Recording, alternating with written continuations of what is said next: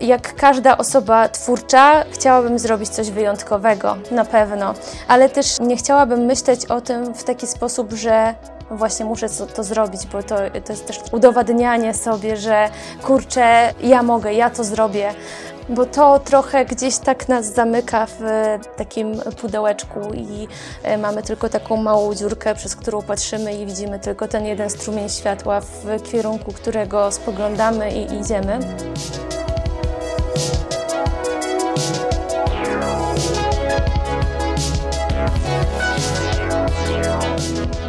Witaj u Janoszuk, podcaście, w którym rozmawiamy o mrokach i urokach kreatywnego myślenia i działania.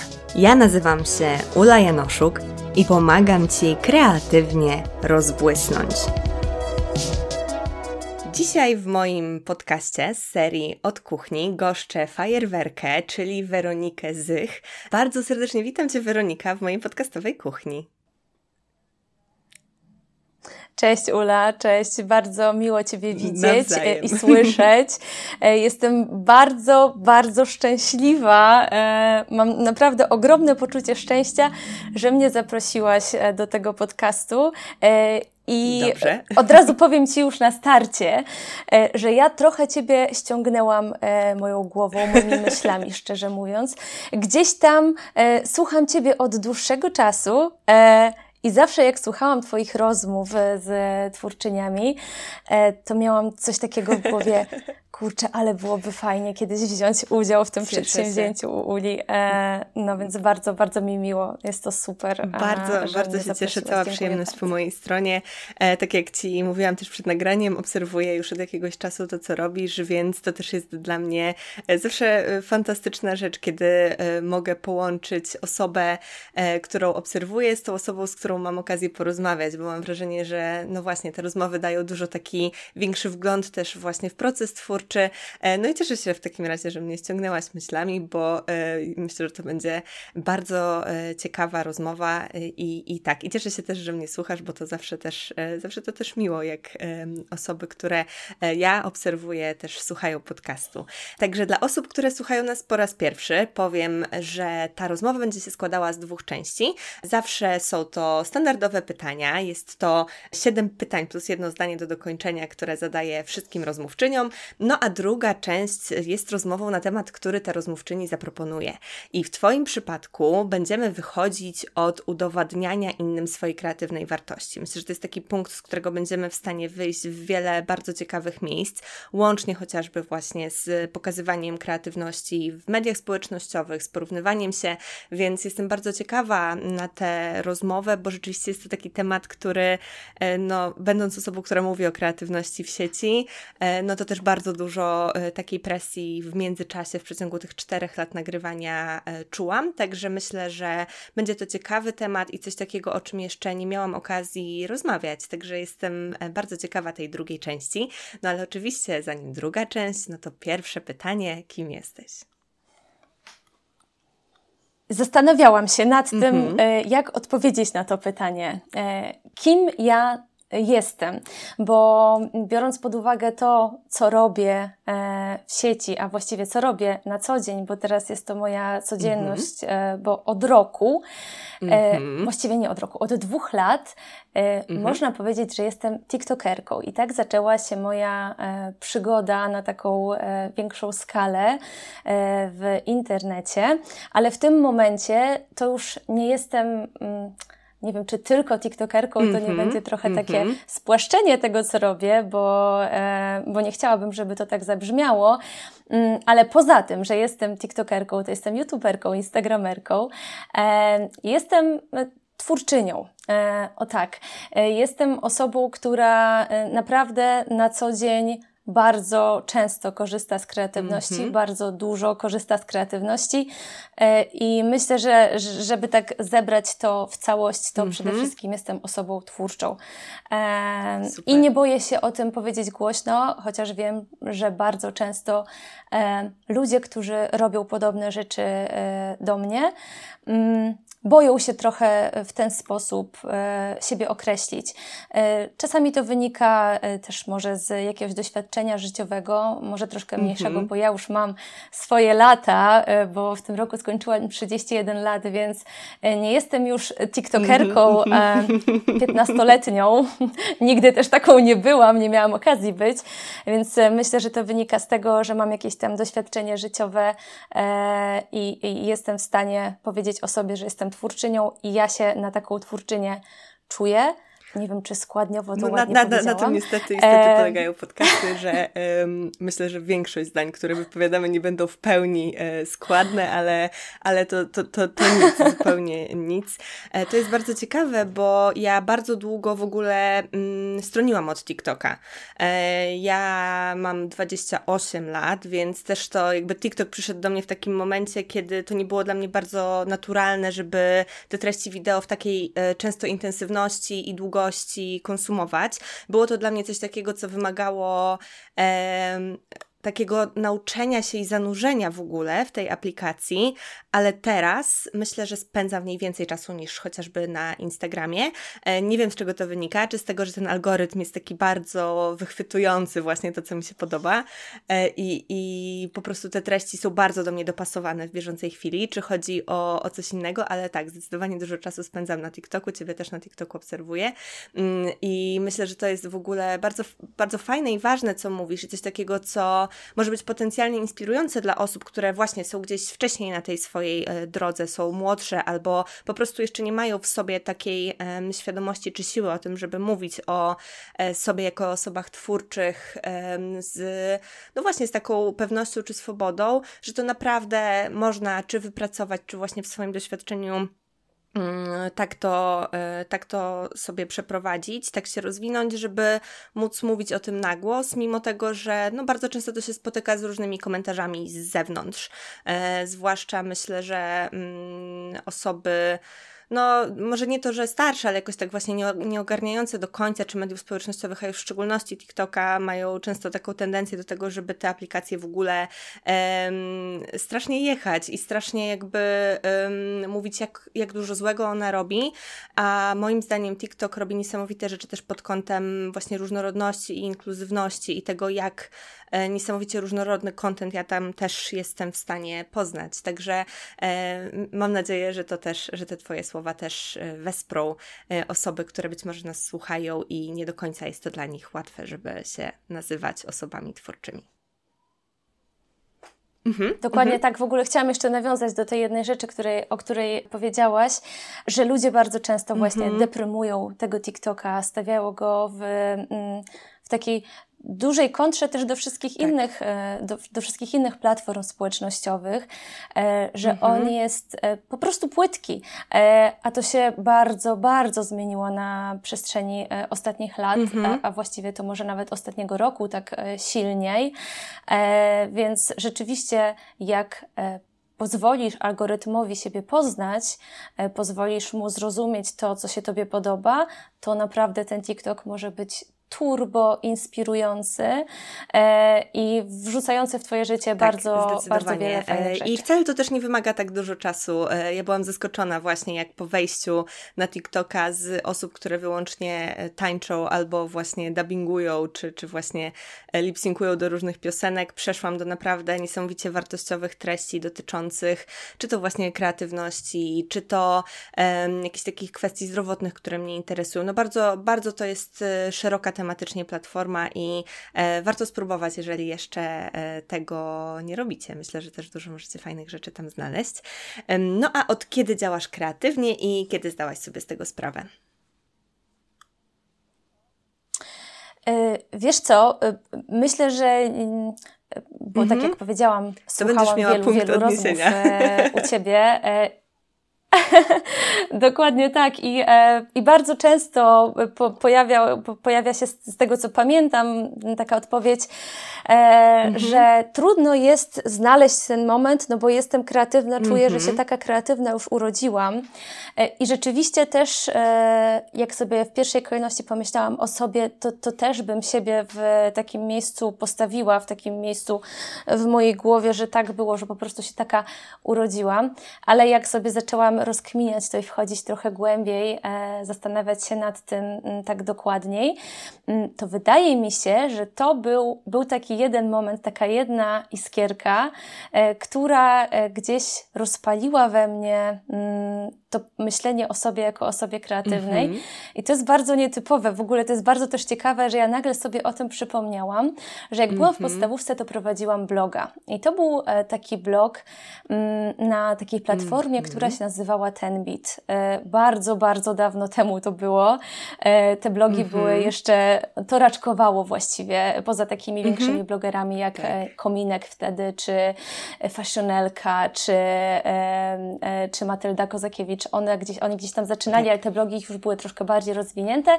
Mój ten blog mm, to były takie opisy naprawdę takiego mojego -hmm. codziennego, dziecięcego życia. E, że ja byłam na dyskotece szkolnej i tańczyłam z takim -hmm. chłopakiem, e, więc to były naprawdę takie bardzo, bardzo urocze wpisy. Tak. Jeszcze pisałam follow, wtedy pamiętam. E, bardzo, bardzo -hmm. żałuję, że to się niestety nie zachowało, gdzie mówi się, że wszystko, co e, się wrzuca w internet, to w tym internecie zostaje. Być może, być może gdzieś to jest tam zapisane na jakimś serwerze, e, tak. do którego może kiedyś ktoś się dokopie, jakiś archeolog z przyszłości, tak. Um, ale, e, ale ja pamiętam, że bardzo dużo takiej mojej e, wrażliwości, mm -hmm. tej dziecięcej, przelewałam na tego bloga i, i teraz zmierzam do tego jednego momentu, w którym to ja się mhm. rozstałam wtedy z moim chłopakiem. Oczywiście teraz z perspektywy czasu, no to wiadomo, jak sobie mhm. myśli się o tych swoich pierwszych miłościach, to było takie a, słodkie i, i właściwie to... Mm, tak. Ale wtedy oczywiście tak, w naszej tak, głowie to było coś ogromnego, to było coś wielkiego, to była taka emocja, mm -hmm, której, mm -hmm. z którą mhm. zderzaliśmy się po raz pierwszy, więc to było turbo silne. I ja napisałam wtedy tam taki tekst... E, Poza tym, że wyszłam sobie z koleżankami na spacer, to, że mm -hmm. teraz czuję się bardzo smutna e, i że moje serce, e, nie, nie, pamiętam dokładnie, ale że moje serce mm -hmm. rozbiło się na miliony kawałków i z którego każda ta cząstka jest w innym smutku mm -hmm. pogrążona, myśli o czymś innym. No i jakby zamieściłam sobie tę, e, tę notkę i pamiętam, że kilka dni później moja koleżanka z klasy, która czytała tego mojego tak. blogaska, bo każda z nas jakiegoś blogaska miała, powiedziała mi, wiesz co Werka, napisałaś coś takiego, to zdanie i zacytowałam mm -hmm. to mhm. zdanie i to jest takie piękne. To jest takie, mm -hmm. że ja to tak odczuwam, to jest takie prawdziwe, że ja bym w życiu tak nie napisała. E, a dla mnie to wtedy było coś takiego, no, napisałam tak. po prostu o mojej jakiejś emocji.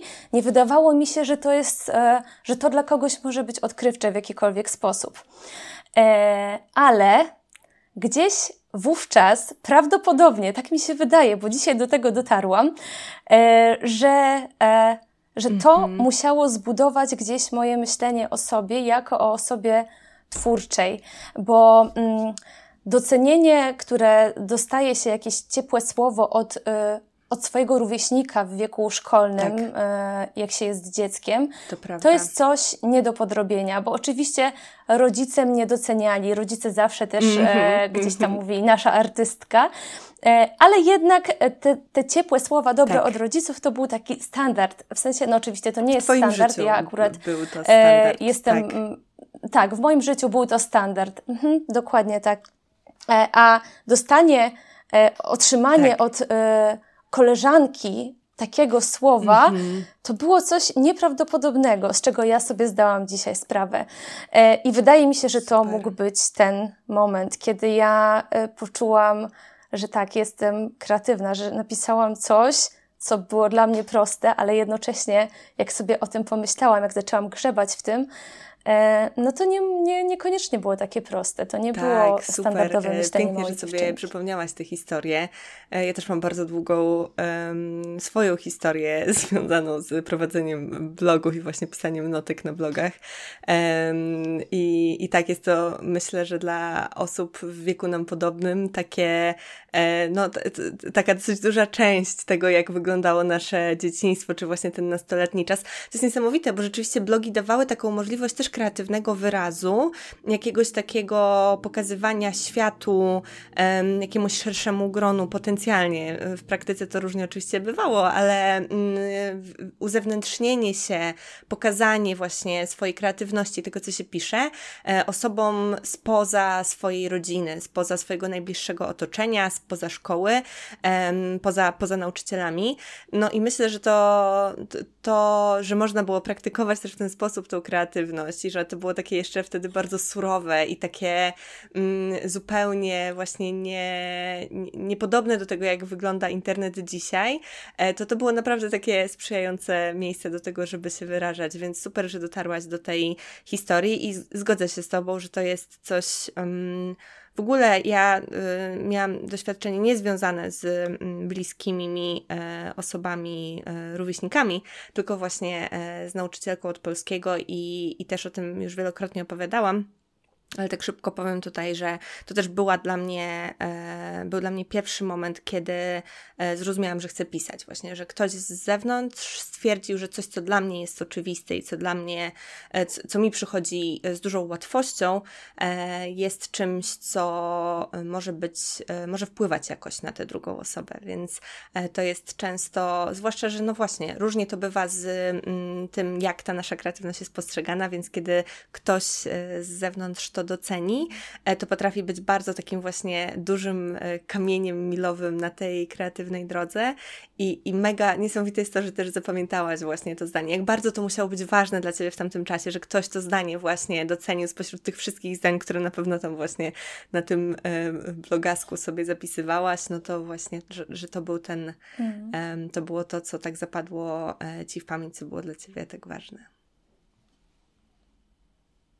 To jest w ogóle, wiesz, e, niesamowite, że e, w takiej codzienności naszej nie zastanawiamy się, tak. nie myślimy o takich rzeczach.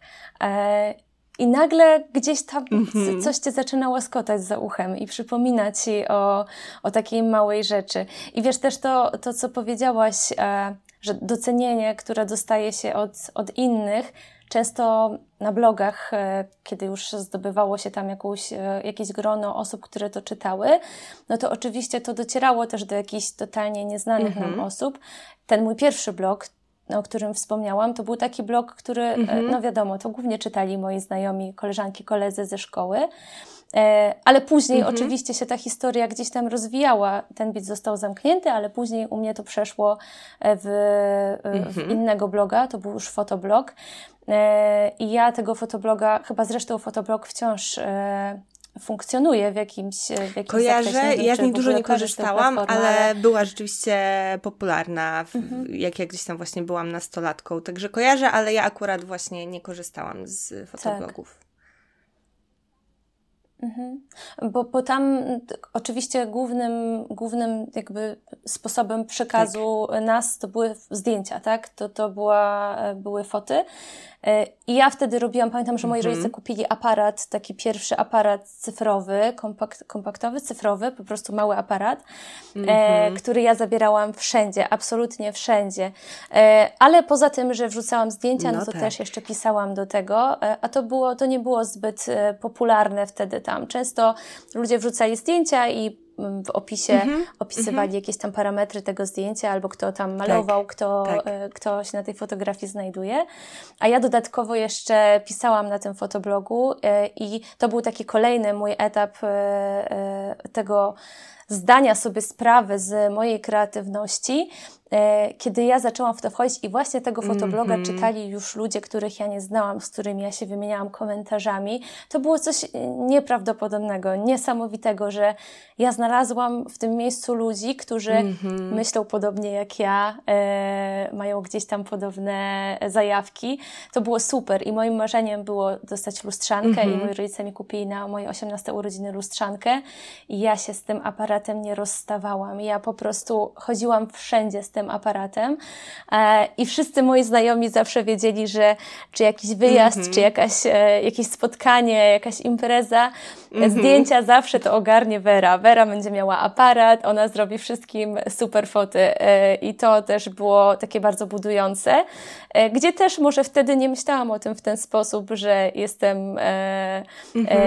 jestem w tym dobra i dlatego, i dlatego ci ludzie chcą, żebym im robiła te zdjęcia, tylko myślałam, że mhm. może jestem mhm. fajna, nie wiem, w jakichś innych kategoriach to postrzegałam, ale teraz wiem, że to był też przyczynek do tego e, myślenia o mnie mhm. dzisiaj Super. Że ja myślę o sobie e, jako To jest niesamowite, że ta droga twoja tak e, w zasadzie od, od zawsze przeplatała się z internetem, nie? Że, że to jest niesamowite, jak e, sprzyjająco i w różnych miejscach i w różnych twoich sferach twórczych ten internet wspierał twój rozwój. Myślę, że to jest też bardzo piękna historia. I, I do dzisiaj, no, dokładnie, nie? Więc dokładnie myślę, tak że to jest, myślę, że to jest super mm. i też pokazuje, że e, no właśnie te, te, te miejsca, na które też myślę, że dzisiaj będziemy trochę narzekać e, i w ogóle często, często jednak e, przysparzają dużo różnych trudności, no to też um, pozwalają nam na zupełnie nowe sposoby na zupełnie jakby niemożliwą wcześniej skalę i, e, i zasięgową i tematyczną w ogóle docierać do ludzi właśnie ze swoją kreatywnością i wrażliwością, więc myślę, że to jest e, super, że, że ta, ta historia u Ciebie właśnie tak blisko nich przebiega. a dlaczego zdecydowałaś się korzystać z kreatywności w swoich działaniach? E, I tutaj też zacznę może od tego, czym, jakby dlaczego dzisiaj korzystam z tej kreatywności i z, z właśnie zdecydowałam się z niej korzystać, bo jeszcze mhm. rok temu pracowałam w korporacji e, i ja to pytanie sobie zinterpretuję na to Super. moje e, życie dzisiejsze versus życie, mhm. e, życie rok temu. E, bo ja pracowałam mm -hmm. jako mhm. social media ninja, że, że tak to określę, to jest określenie, za którym marketerzy i ludzie, którzy pracują mm -hmm. w social mediach często nie przepadają i, i uważają je za deprymujące ten zawód, mm -hmm. ale ja mhm. uważam, że to jest bardzo fajne określenie i tak zawsze się określałam jako e, social media ninja. E, I oczywiście w tej pracy mhm. kreatywność była mi bardzo potrzebna, bardzo potrzebna bo tam się po prostu dużo dzieje, e, trzeba i coś napisać, e, i czasami zrobić fotę, i e, zaprojektować coś graficznie. Także to jest zawód, który mm -hmm. jest świetny dla osoby kreatywnej. Ja uważam, że to jest po prostu zarąbisty zawód. E, ale pomimo tego, że jest dużo tych fajnych, kreatywnych rzeczy, to jest jeszcze mm -hmm. dużo rzeczy, mhm. za którymi ja nie przepadałam. Bo ja jestem dosyć roztrzepaną osobą, ja się często zawieszam, ja dużo marzę, dużo rozkminiam. E, a jednak praca w korporacji na jakimkolwiek mm -hmm. stanowisku e, wymaga od człowieka tego, żeby on sobie zorganizował to w taki sposób, żeby, żeby to było po prostu przynosiło finalnie jakiś, e, jakąś, no nie, może nie, nie że korzyść, ale tak. przynosiło finalnie jakiś efekt, który będzie można zamknąć w jakichś ramach. E, I ja założyłam TikToka jeszcze właściwie jak zaczynałam mm -hmm. pracę w, wtedy w tamtej korporacji ostatniej, w której pracowałam, e, ponieważ wiedziałam, że będę się zajmować e, między innymi otwarciem kanału mm -hmm. na TikToku dla tego brandu. E, a wiadomo, żeby poznać najlepiej to medium, to tak. po prostu najlepiej na nim być. I dlatego założyłam mojego TikToka. I tak się w to wkręciłam. O matko droga Ula, ja po prostu pokochałam TikToka od razu, od początku. Ja nagle znalazłam przestrzeń, która będzie dla mnie, e, która jest mm -hmm. dla mnie, jak, jak dla mnie stworzona. E, bo pomimo tego, że miałam te blogi, później mm -hmm. ja mam Instagrama od zawsze, odkąd on istnieje, ale na tym Instagramie nigdy mm, nie potrafiłam znaleźć e, siebie, pokazać siebie w taki sposób, w jaki Jasne. chciałabym się pokazać i żeby jeszcze tak. ludzi to zainteresowało. E, a to, to, wideo to było po prostu coś dla mnie. E, I dlaczego ja się zdecydowałam na to, żeby, mm -hmm, żeby złożyć wypowiedzenie w korporacji e, i zacząć być e, TikTokerką, e, Instagramerką, mm -hmm. YouTuberką pełną gębą? E, ano właśnie dlatego, że mm -hmm. kreatywność daje mi wolność. I jakby dlaczego by z tego nie skorzystać, kiedy mam taką okazję, kiedy jestem gdzieś tam na, na fali i, jest, e, tak. i, i, sprawia mi to ogromną satysfakcję. E, więc taka jest moja odpowiedź. Po prostu e, kreatywność dała mi mm -hmm. wolność i daje mi wolność wciąż. I też uważam, mm, że kreatywność dużo w życiu ułatwia. E, kiedy zdajesz sobie sprawę z tego, że jesteś kreatywna, to tak jakbyś dostała ogromny miecz do dłoni i po prostu możesz tak. zwojować świat tym mieczem. E, i, I sobie pomóc, i innym pomóc, pokazać innym piękne rzeczy. Tak. To jest coś fascynującego. Więc, e, więc tak, to jest to, dlaczego ja zdecydowałam się na korzystanie z tej kreatywności. Oczywiście też już dużo wcześniej, no bo tak jak mówię, praca w social mediach też wymagała ode mnie kreatywności, ale teraz mm -hmm. tak e, naprawdę mm -hmm. na pełnej, Super. że tak powiem. E, Super. Ten, to porównanie korzystam. właśnie do, do miecza bardzo do mnie trafiło, bo miałam okazję kiedyś robić prezentację właśnie mm, no, na temat warsztatów, które chciałam poprowadzić, taki właśnie pitch i e, musiałam uświadomić osobom, które niekoniecznie e, zdają sobie sprawę z tego, jak ważna kreatywność może być dla innych e, osób, jak to duża może być potrzeba, jak bardzo można sobie bez niej nie wyobrażać życia. E, wstawiłam obrazek e, najpierw Luka Skywalkera, a później Luka Skywalkera bez miecza, nie? porównując właśnie kreatywność do, e, do miecza świetlnego, bo czuję, że to jest bardzo mocno właśnie tak jak e, w przypadku Jedi ta moc e, jest czymś, co i tak w nich płynie, no to jednak ten miecz świetlny jest tym zwieńczeniem i ta właśnie świadomość kreatywności mm, i, i takie świadome z niej korzystanie myślę, że jest właśnie e, w takiej formie miecza, że to jest bardzo, bardzo piękna metafora. Mm, chciałam też odnieść się w ogóle do dwóch rzeczy, które poruszyłaś, które są moim zdaniem bardzo ważne, czyli mm, zaczynając może właśnie od końca, czyli od tej wolności. To jest dla mnie niesamowite, bo ja bardzo długo o kreatywności jako o wolności nie myślałam. E, mimo tego, że totalnie się z tym zgadzam, to nie było coś, co było w sferze moich rozważań w jakiś sposób w ogóle. I bardzo mi to uświadomiło, wagę wolności uświadomiło mi nagrywanie, tworzenie odcinka setnego podcastu, gdzie pytałam osoby z mojej społeczności, czym dla nich jest kreatywność. I później zebrałam e, najczęściej powtarzające się słowa spośród tych, które mm, się e, w ich wypowiedziach pojawiały i zebrałam ich w taki chórek głosów e, powtarzających te te słowa i wolność była jedną z najczęstszych rzeczy, które się pojawiały. I później też właśnie prowadząc badania, czy to na temat swoich warsztatów, czy to do, e, na potrzeby błyskletera, to kiedy pytam o wartości, to ta wolność jest zawsze gdzieś tam w tej topce. I wydaje mi się, że to jest właśnie bardzo, bardzo y, piękne. Ma to swoje oczywiście różne trudności i ograniczenia, ale że właśnie ta wolność jest czymś, co bardzo często sprawia, że się decydujemy w ogóle na tę kreatywną ścieżkę, kiedy już nie jesteśmy w stanie mm, podążać za tymi ograniczeniami, które inne zawody nam dają. I to właśnie prowadzi mnie też do mm, myśli dotyczącej tego, że Twój poprzedni zawód był kreatywny, tak naprawdę, nie? Że tak jak mówisz, on wymagał bardzo dużo kreatywności od Ciebie ale właśnie miał też e, szereg różnych e, trudności, które dla ciebie były bardzo trudne. I to jest też coś takiego, co myślę, że mm, nie zawsze jest łatwo sobie uświadomić, bo, bo często korzystając z kreatywności w zawodzie, który ma jakąś konkretną formę, cieszymy się w ogóle, że jesteśmy w stanie z tej kreatywności korzystać, nie? Łapiemy te, ten zawód i, i się go trzymamy, bo czujemy, że wow, wreszcie ta kreatywność jest jakoś dociążona, wreszcie ktoś ją docenia, wreszcie mamy jakiś ten poważny zawód, mhm. którym możemy się e, pochwalić przed babcią, nie? Że pracujemy tutaj w takiej firmie i robimy dla niej takie rzeczy, nie? E, I że e, łatwo jest po prostu e, machnąć ręką na te rzeczy, które sprawiają nam trudności. I czasem to jest bardzo spoko, ale też ostatnio zastanawiam się mocno nad tym, e, myśląc o swojej potencjalnej ścieżce życiowej, biorąc e, na przykład bycie na uczelni, bycie na doktoracie, bycie naukowczynią, to jest coś, co ja bardzo mocno rozważam. Został mi około rok do zakończenia doktoratu, może półtorej, zobaczymy jak to się mm, potoczy, ale to jest taki moment, w którym ja bardzo mocno myślę nad tym, czy to jest w ogóle dla mnie dalej droga.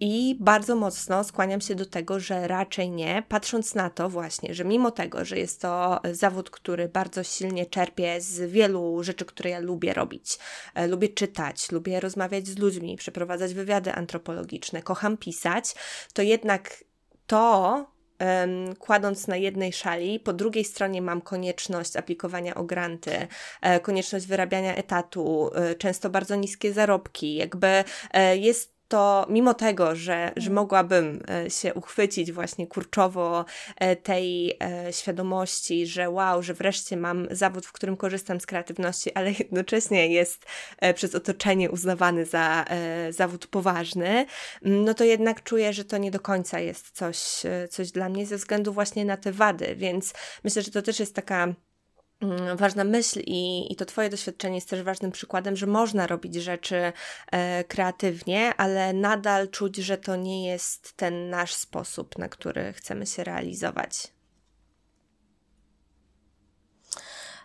Tak, to jest, to jest bardzo ważne, co mówisz. Yy, I też jeszcze tylko yy, dodam, myślę, że to jest też dosyć istotna yy, rzecz, że mm, warto jednak dać sobie mhm, tak. też możliwość próbowania różnych rzeczy, bo, yy, bo to, to jest po prostu, to jest tak proste, tak. a tak prawdziwe. I jak nie spróbujesz, to nie będziesz e, wiedziała, wiedział.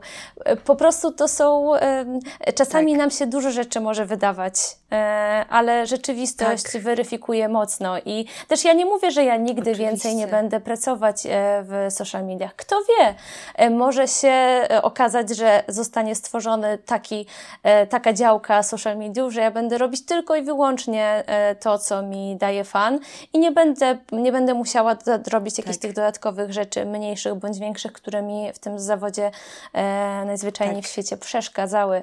Więc e, próbować tak. trzeba robić jak najwięcej w życiu. E, to, jest, to, to może być zgubne -hmm. często i to jest myślę bolączką e, nas, ludzi kreatywnych, tak. że chcemy kilka srok za te ogony złapać, ale jednocześnie e, to jest fajne, bo później budzimy się rano tak. i kurczę, ale zrobiłam to i zrobiłam tamto i to i tak, to jest naprawdę super spojrzeć właśnie na to próbowanie nie jako na przekleństwo, że kurczę, znowu mam jakiś pomysł, znowu zmieniam zdanie, znowu chcę spróbować próbować czegoś nowego, mm. ale właśnie jako coś mhm. takiego, co pozwala nam się dużo dowiedzieć i o tym, co nam się podoba, ale też co jest strasznie cenne, e, czyli to, co nam się nie podoba i czego nie chcemy robić. I, i to jest bardzo cenna wiedza. E, no i też, gdybym na przykład Dokładnie. nie poszła na uczelnię, kontynuując ten temat, nie poszła na doktorat, to bym nie wiedziała, czy, czy chcę w ogóle w tym pracować. A teraz e, e mam dosyć dużą mm. klarowność w tym, więc tak, podkreślam, e, próbowanie też w, mojej, w moim doświadczeniu jest często trudne i często właśnie wydaje nam się, że kurde, może wreszcie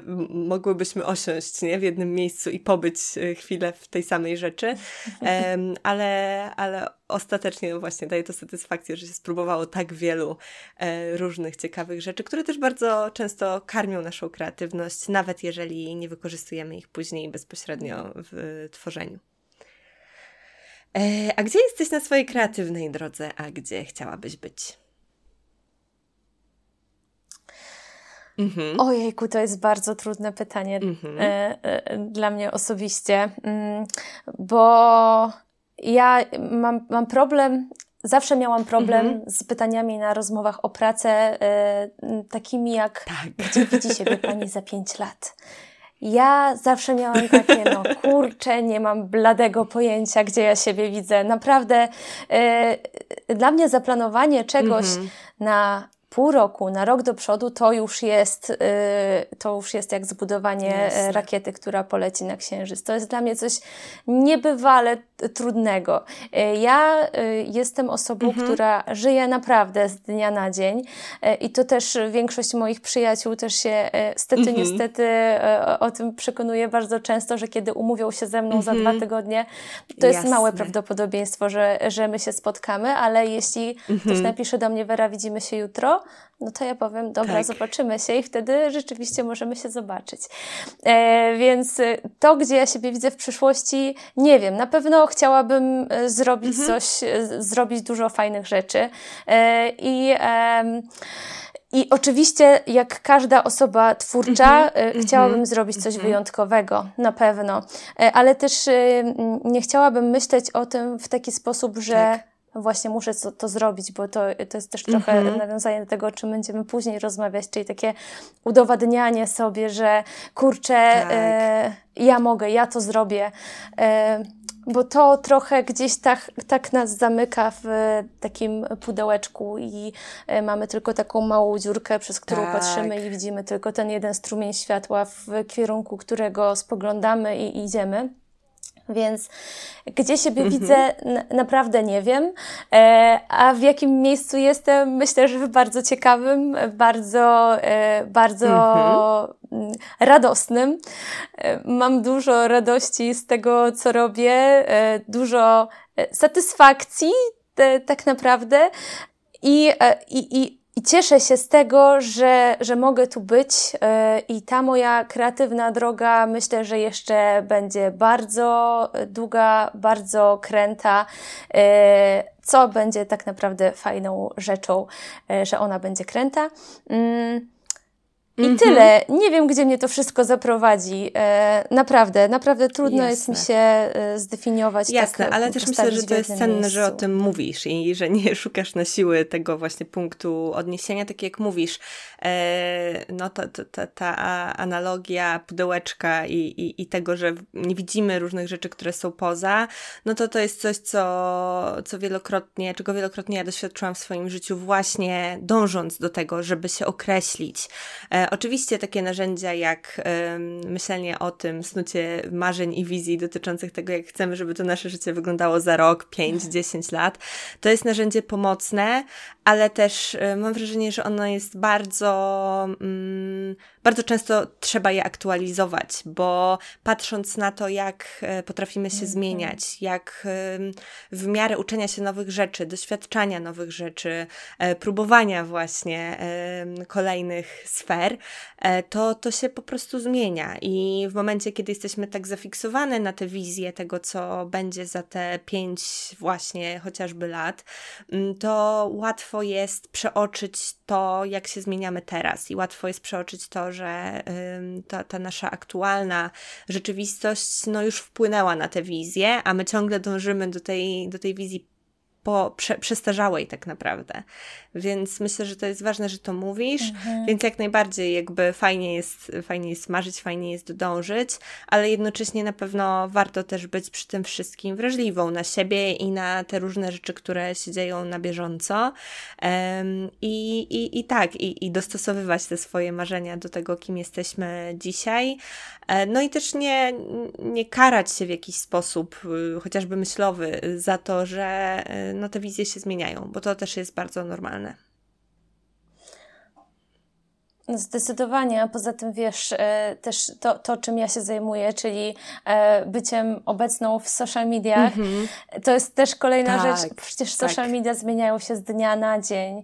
Wiesz, ja e, jeszcze z czasów, kiedy pracowałam w korporacji, mm -hmm. ja wyjeżdżałam załóżmy na dwa tygodnie na urlop i robiłam sobie taki naprawdę hard urlop, że totalnie nie interesowało tak. mnie to, jak tam statystyki wyglądają, co tam się dzieje na tych kanałach brandów, w którym pracowałam e, i wracałam po dwóch tygodniach i nagle, kurczę, e, w e, Ads Managerze na Facebooku mm -hmm. nagle było po prostu tych opcji dodatkowych pięć dwa i ja musiałam tygodnie. się tego nauczyć, no. a to były dwa tygodnie, wiesz. Ja boję się tego, że gdybym dzisiaj chciała wrócić do pracy w social tak. mediach, w sensie na stanowisku tak. social media ninja, to miałabym ogromny, znaczy ogromny, to nie byłby tak. ogromny problem, bo oczywiście ja bym się tego nauczyła, ale to już nie są te social media, które były rok temu. E, I biorąc teraz to, mm, e, patrząc na, na, na moje, tak. moje obecne życie przez pryzmat tego, jak zmienia się świat social mediów, to mi by było bardzo trudno zaplanować to, e, no gdzie tak. ja siebie widzę w przyszłości jako twórczyni. Bo kto wie, 5 lat temu jeszcze nie było, nie? Albo nie przynajmniej będzie, nie na taką skalę. Otóż to. Otóż to, dokładnie. E, nie wiadomo, czy w ogóle będą nam potrzebne social media, bo, ale też jeszcze poza social mediami, mhm. e, to jeszcze gram w teatrze amatorskim. E, I też jakby mogłabym myśleć sobie, że e, no za parę lat to e, zagram na deskach jakiegoś fajnego teatru, większego, mm -hmm. może, może gdzieś ktoś mnie zauważy ale kto wie, czy w ogóle instytucja teatru, tak. takiego, do którego my sobie idziemy, kupujemy bilet, siadamy to w prawda. fotelu, będzie jeszcze istniała i kogokolwiek interesowała za, za parę lat.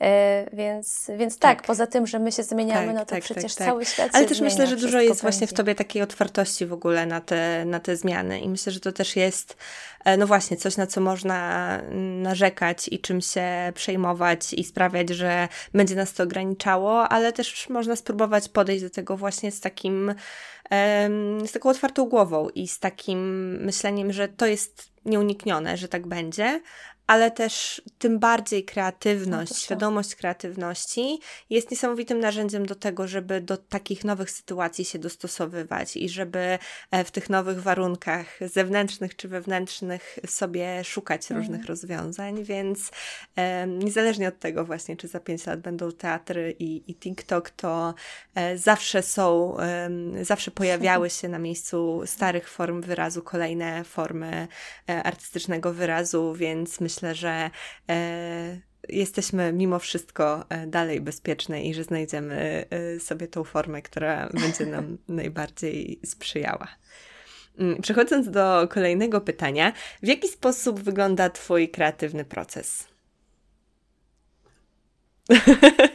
Oj, Ula, to jest chaos. U mnie to jest po prostu czysty chaos. E, ale spróbuję to mhm. w jakiś sposób uporządkować Dobrze. i to będzie bardzo ogólne okay. opisanie mojego kreatywnego procesu. E, wszystko zaczyna się e, mhm. zazwyczaj od jakiejś notatki, którą ja sobie poczynię w moim telefonie. I już nauczyłam się po, po tych paru miesiącach działania w ten sposób, że nie mogę zapisywać jednego tak. słowa, tylko muszę zapisywać zdanie bądź dwa. Bo jak zapiszę jedno słowo, wrócę do niego za dwa tygodnie, tam takie Wera, o co ci chodziło w ogóle? O, o co chodzi? Totalnie jakieś mm -hmm. oderwane od, od wszystkiego i nie, to jest absolutnie coś, czego się nauczyłam i staram się zapisywać to e, co najmniej w jednym zdaniu. E, I to jest pierwszy element. E, I następnie e, robię, robię albo research, jeśli jest to potrzebne, bo mm, jeszcze powiem może Jasne, też, śmiało. co ja w ogóle robię na tym TikToku e, i, i na tych moich innych social mediach, bo mm, ja studiowałam filologię polską e, i mm, może niewielka, ale e, spora część mojego kontentu, który ja publikuję w, w sieci, to są treści edukacyjne. Może nie spora, to jest jakieś około mhm. 30, 30% tego, co ja robię. To są treści związane z językiem polskim. E, to są rzeczy, e, filmy, na których ja tłumaczę etymologię powiedzeń, etymologię różnych słówek. Czasami mówię o poprawności językowej, więc to są tego typu rzeczy. Więc jeśli e, planuję film związany Jasne. z etymologią, no to oczywiście najpierw poprzedza to research, żeby to było w miarę rzetelne, chociaż oczywiście z etymologią to jest tak, że mhm. często po prostu nie wiadomo. Nie wiadomo, bo, e, bo są jakieś teorie i etymolodzy się mogą sprzeczać i kłócić, a mhm. ja podaję jakąś tam e, teorię, która e, w jakiś sposób można ją e, mhm. poprzeć e, dowodami e, językowymi. Więc robię research, a jeśli nie robię researchu, jeśli robię coś innego, czyli główną część mojego kontentu, e, ona opiera się na komedii. E, to są treści komediowe, to są, e, to jest coś, w czym ja się od, na początku, od samego początku realizowałam na TikToku i to się najczęściej przeplata w, w, w moich treściach. To są, to są rzeczy komediowe, więc jeśli jest to rzecz komediowa, to mhm. oczywiście ten research często, gęsto nie jest mi potrzebny, bo to jest coś, co ja po prostu sobie gdzieś tam w głowie tworzę jakąś scenkę. No i kolejnym wtedy etapem mhm. jest napisanie scenariusza. E, do, do TikToka, czy do Shortsa, czy do Reelsa. E, więc napisanie scenariusza zazwyczaj, zda, znaczy zazwyczaj, zdarza się tak, że, e, że na jednym takim e, posiedzeniu przy e, moim notatniku i z tych inspiracji, z złożeniu czegoś wychodzi, wychodzi mi kilka tych scenariuszy, ale zazwyczaj e, wygląda to raczej tak, że mam pomysł na coś, i jest jeden TikTok, jeden scenariusz mm -hmm. i na tym jednym, jednej rzeczy się skupiam. E, nie rozbijam tego na kilka, ale tak jak mówię, u mnie jest to chaos raczej, więc e, czasami się to przeradza w kilka, czasami e, w mniejszą -hmm. ilość, a czasami w ogóle nic z tego nie wychodzi, bo w trakcie pisania scenariusza po prostu to, nagle stwierdzam, nie e, -hmm. nie, to jednak może Jasne. zostawię sobie na kiedyś, dokładnie. E, więc to jest kolejny etap. No i następnym etapem jest nagranie tego, czyli przygotowanie się do, do, do nagrywek no to wiadomo, to mm -hmm, nagranie mm -hmm. są już mhm. e, techniczne rzeczy, ale jeśli mam kilka postaci, bo u mnie tak. też pojawia się na przykład postać babci, to wtedy muszę się jakoś tam przebrać. Ja mam w ogóle, moi, moi znajomi to się śmieją, ja zawsze jak chodzę mm -hmm. na mhm. lumpy, to po prostu nakupuję i perułek różnych, i suk sukni. Niedługo w teatrze będziemy w ogóle grać e, spektakl dla dzieci. Ja już mam mhm. e, sukienkę dla kopciuszka, więc e, ja jestem przygotowana na takie, takie sytuacje właśnie ze względu na to, że na TikToku sobie e, mam też postać księżniczki. E, więc nagranie, następnie jest to montaż, e, następnie mm -hmm. jest to mhm. zrobienie napisów do TikToka, publikacja, napisanie kopii, więc to jest tak, tak. jakby taki mm, od strony technicznej spojrzenie na, na ten mój proces e, kreatywny. E, I myślę, że warto też to za, zaznaczyć i o tym powiedzieć, bo ludziom często się wydaje, że TikTokerzy e, praca TikTokera polega tak. na tym, że on wyciąga telefon, nagrywa i, i wrzuca to. E, ale kiedy skupiasz się na tym bardziej i chcesz zrobić e, e, troszkę, troszkę więcej, E, to naprawdę robi tak. się z tego porządny projekt, e, nad którym naprawdę trzeba e, posiedzieć i włożyć trochę energii, więc stworzenie takiego jednego TikToka czasami zajmuje oczywiście dzień, czasami może zająć kilkanaście minut, ale zazwyczaj w przypadku moich treści są to rzeczy, które zajmują mi troszkę więcej czasu, energii, E, I na każdym z tych etapów tak naprawdę przydaje mi się kreatywność. Na każdym, każdziuśkim. I to jest też niesamowite, że e, mogłoby mm -hmm. się mhm. wydawać, że a, ustawienie światła, ale, ale nie, no bo trzeba to światło ustawić tak, tak, sprawdzić, jak to działa. Wymyślcie sobie, że sobie to, że to światło odbije się od ściany, albo mm -hmm. że to światło będzie w takim kolorze, a to mi podbije to. Więc e, to nie są tylko techniczne rzeczy, tylko e, w tych technicznych rzeczach Super. Bardzo się cieszę, że opisałaś tak dokładnie cały ten proces, bo zanim jeszcze właśnie powiedziałaś o tym, że często się wydaje, że to jest takie hop i, i, i jedziemy i, i, i jakby nie wymaga to za dużo wkładu, no to po tym Twoim opisie zdecydowanie widać, jak bardzo to jest. Yy, jak bardzo to jest wieloetapowa i długotrwała często praca. Oprócz tego właśnie, że e, ta kreatywność też przydaje Ci się na każdym z tych etapów. Uważam, że to jest e, fantastyczne i, i rzeczywiście ja też odkrywam coraz to nowe e, pokłady kreatywności w różnych takich techniczno-formalnych aspektach prowadzenia swojej działalności, twórczości w internecie. To jeszcze zauważyłam, że bardzo przeplata lata się mm, do dzisiaj, e, to twoje pisanie, nie? To twoje pisanie, które e, zaczęłaś na blogach mhm. w e, dzieciństwie, no to, że do tej pory i pisanie scenariusza, i pisanie kopii i, i tak dalej, że to są rzeczy, które cały czas są obecne, więc od tego pisania w, w dużo różnych mhm. stron właśnie ta twoja kreatywność wyewoluowała, ale nadal to pisanie gdzieś tam się pojawia i myślę, że to jest jest e, bardzo też e, no, no ciekawe, jak, jak bardzo to dobrze ilustruje też różnorodność, ale też właśnie te, jak, na jak wiele sposobów można się realizować, chociażby pisząc właśnie i chociażby to, że kończymy filologię, to nie mhm. musi oznaczać, e, że będziemy czy pisać powieści, czy będziemy nauczycielkami e, polskiego. Zupełnie nie, że jakby z tych studiów w bardzo różne strony można iść. I myślę, że to jest też e, coś takiego, czego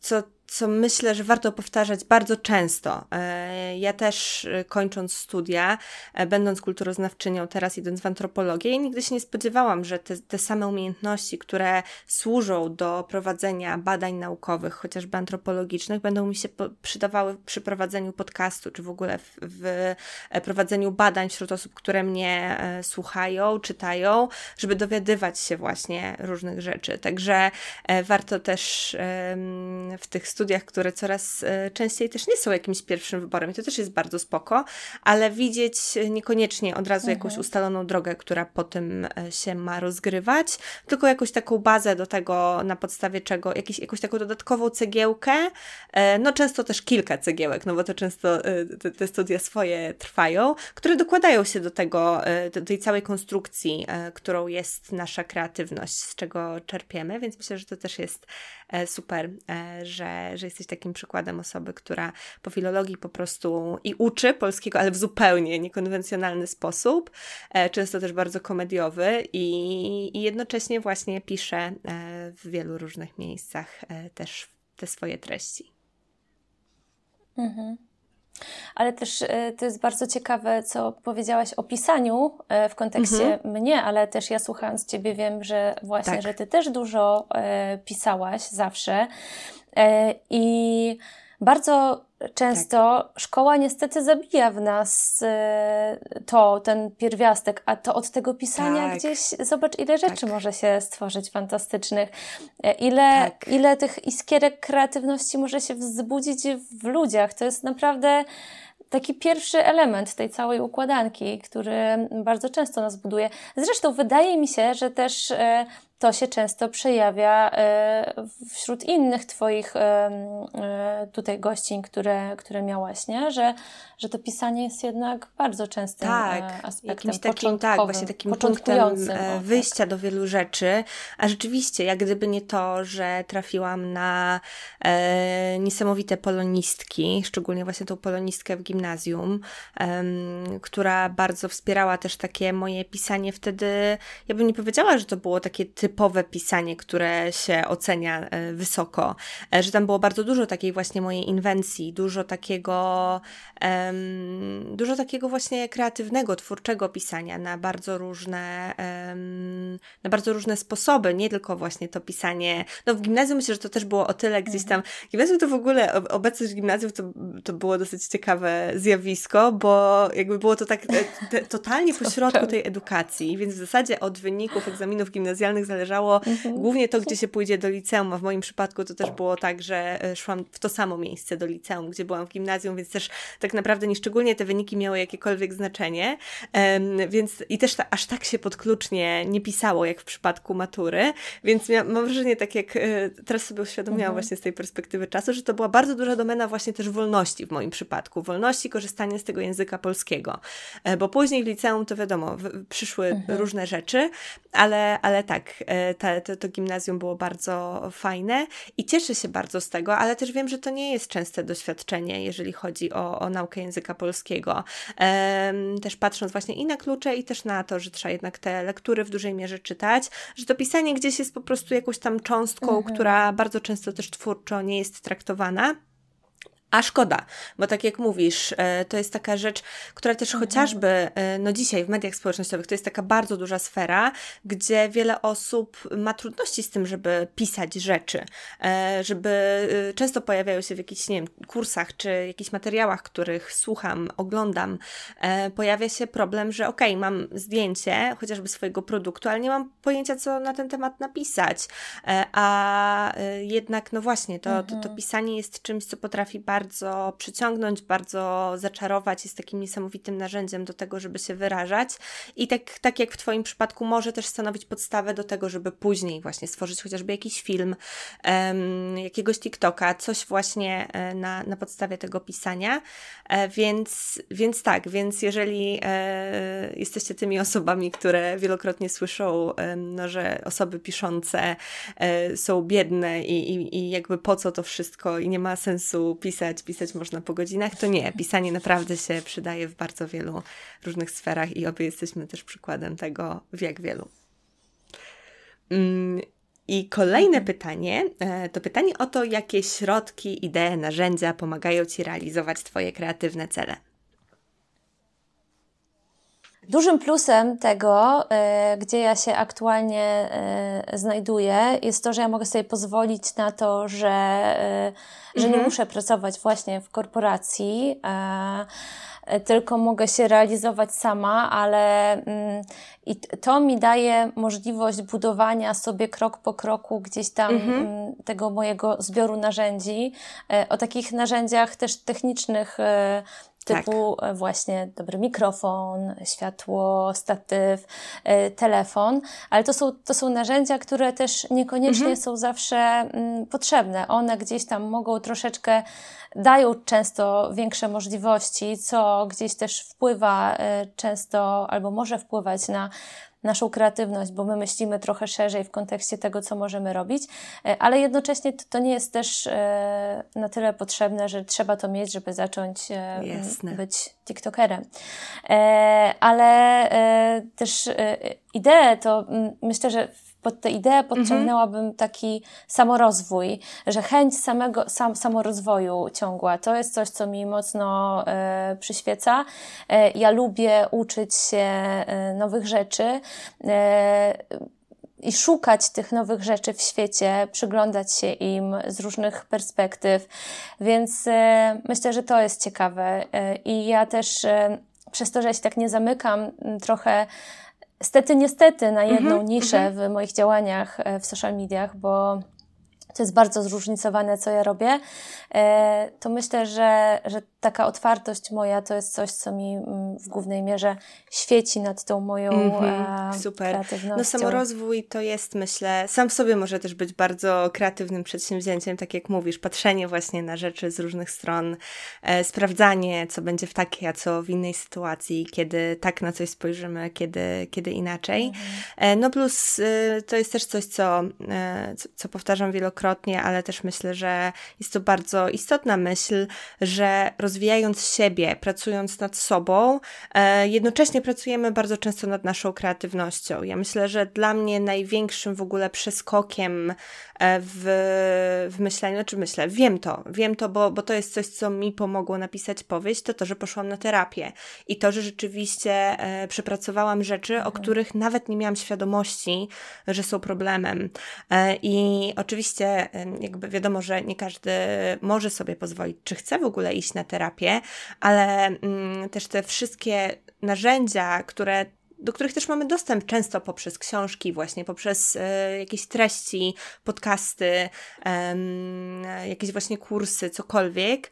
E, to jest coś takiego, co może nam niesamowicie też w tej kreatywności pomóc, więc to jest właśnie ta idea, ten samorozwój, to e, no właśnie też e, grzebanie w, w tym, co, co, co w nas siedzi i co e, nam pomaga, a co przeszkadza kreować, jest też czymś, co, mhm. co, co u mnie tak bardzo zmieniło tak wiele kluczowych rzeczy w kreatywnym procesie. Mhm. Ja jeszcze, wiesz co, jeszcze mhm. tak myślę, że dodałabym jeszcze jedną rzecz tutaj, to jest e, poznawanie mm-hmm, innych mm-hmm. perspektyw, innych ludzi i w ogóle współpraca z tymi innymi kreatywnymi ludźmi to jest też coś, e, czego nie, nie da, tak. nic nie, nie jest w stanie zastąpić. E, że w momencie, kiedy jesteś mm-hmm. e, tak jak powiem na moim, na moim przykładzie, jesteś w, w tym świecie social mediów mm, i na przykład na TikToku ja poznałam tyle fantastycznych, inspirujących e, osób, e, które są turbomądre. Ja się tak dużo uczę i to możliwość obcowania z tymi ludźmi, to jest coś e, niesamowitego. Myślę, tak. że tutaj jeszcze bym dodała właśnie tą, tą współpracę i to tak, odkrywanie tak, też tak, zdecydowanie. osób kreatywnych. Um, wydaje mi się, że to jest też coś takiego, co jest bardzo często niedoceniane, e, że bardzo często, okej, okay, czujemy się w jakiś sposób e, w kreowaniu samotne, e, czegoś nam brakuje, ale też wiele osób kreatywnych też jest osobami introwertycznymi, nie wszystkie, ale to też jest często, to, to wychodzenie do świata wiąże się do innych ludzi, wiąże się z jakąś trudnością i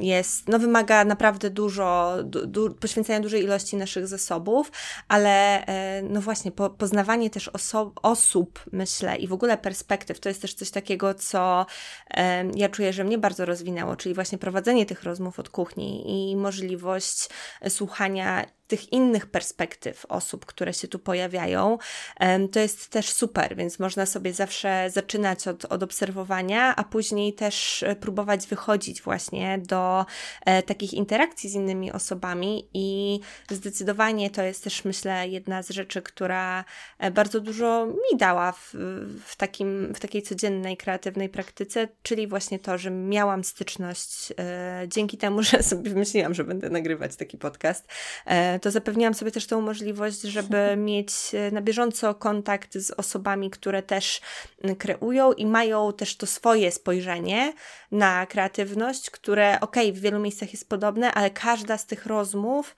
zawsze wnosi jakieś e, nowe myśli, zawsze wnosi jakieś nowe odkrycia, no i rozwija nas bardzo też, mnie rozwija w tym przypadku, a nas w ogóle kontakt z innymi kreatywnymi osobami też e, niesamowicie mhm. może rozwinąć i pokazać różne fajne ścieżki, którymi można iść.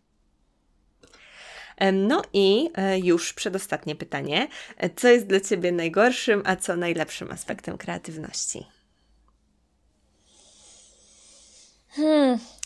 Dobrych jest tak dużo, e, mhm. ale tych złych też jest sporo. E, chyba taką najlepszą rzeczą e, to jest tak. możliwość mhm. wyrażania siebie na wiele sposobów na ogromną, niezliczoną ilość sposobów e, e, od wyrażania siebie i na przykład pokazania, że potrafię tak. fajnie powiedzieć łamańca językowego, e, po zrobienie mm, mojemu mężowi albumu z naszymi zdjęciami z, i fajnego, tak. zrobienie to, tego w fajnej oprawie. Więc wyrażanie siebie, swoich mhm. uczuć, emocji, myślę, że to jest najfajniejsze w kreatywności. To jest po prostu fan najwyższych lotów. A chyba, chyba taką najgorszą e, rzeczą, może, może nie najgorszą, ale e, ja też mhm, pisałam tak. Tobie o tym, o tym porównywaniu się z innymi. To jest coś, co e, jest nieodłącznym elementem, to znaczy nie wiem, czy każdego życia Myślę, kreatywnego, wielu, wielu ale mojego na żyć. pewno. Hmm. Wielu, tak, tak. Też, też tak, tak mi się wydaje, e, że to jest taka nasza e, bolączka, że e, z jednej strony chcemy czerpać i obserwować te inne osoby i to jest fajne, rozwijające, ale z drugiej strony później łapiemy się nagle na tym, że myślimy o nich, może nie o nich jako o ludziach w taki, może nie też negatywny sposób, tylko w taki sposób tak. kurczę, a, a dlaczego ja tak nie mogę? E, I to jest strasznie tak. mnie to boli zawsze w środku. E, ja mhm. jestem też osobą wysoko wrażliwą i e, bardzo, mm, bardzo przeżywam takie sytuacje, bo wiem coś, jakby mówię sobie, że jest inaczej, a i tak gdzieś to tak. cały czas we mnie pływa. I wydaje mi się, że to jest też, to jest, to znaczy, to pewnie jest do przepracowania właśnie na terapii. Ja kiedyś zaczęłam terapię, a niestety... To niestety tak, często po prostu wybija i, tak e, się... i, i, ciężko jest później wrócić. Mm -hmm. Też miałam takie doświadczenie z pierwszą terapeutką. Mm -hmm. I to jest, to jest coś, e, co ja wiem, że muszę zrobić i muszę nad tym popracować, bo e, czasami to bywa tak uciążliwe i tak przybijające, że ja nie jestem w stanie nic stworzyć przez tydzień, przez dwa tygodnie. I im więcej tego czasu upływa, tym ja się czuję coraz gorzej, więc to jest, mm -hmm. to jest po prostu strasznie bolesne tak.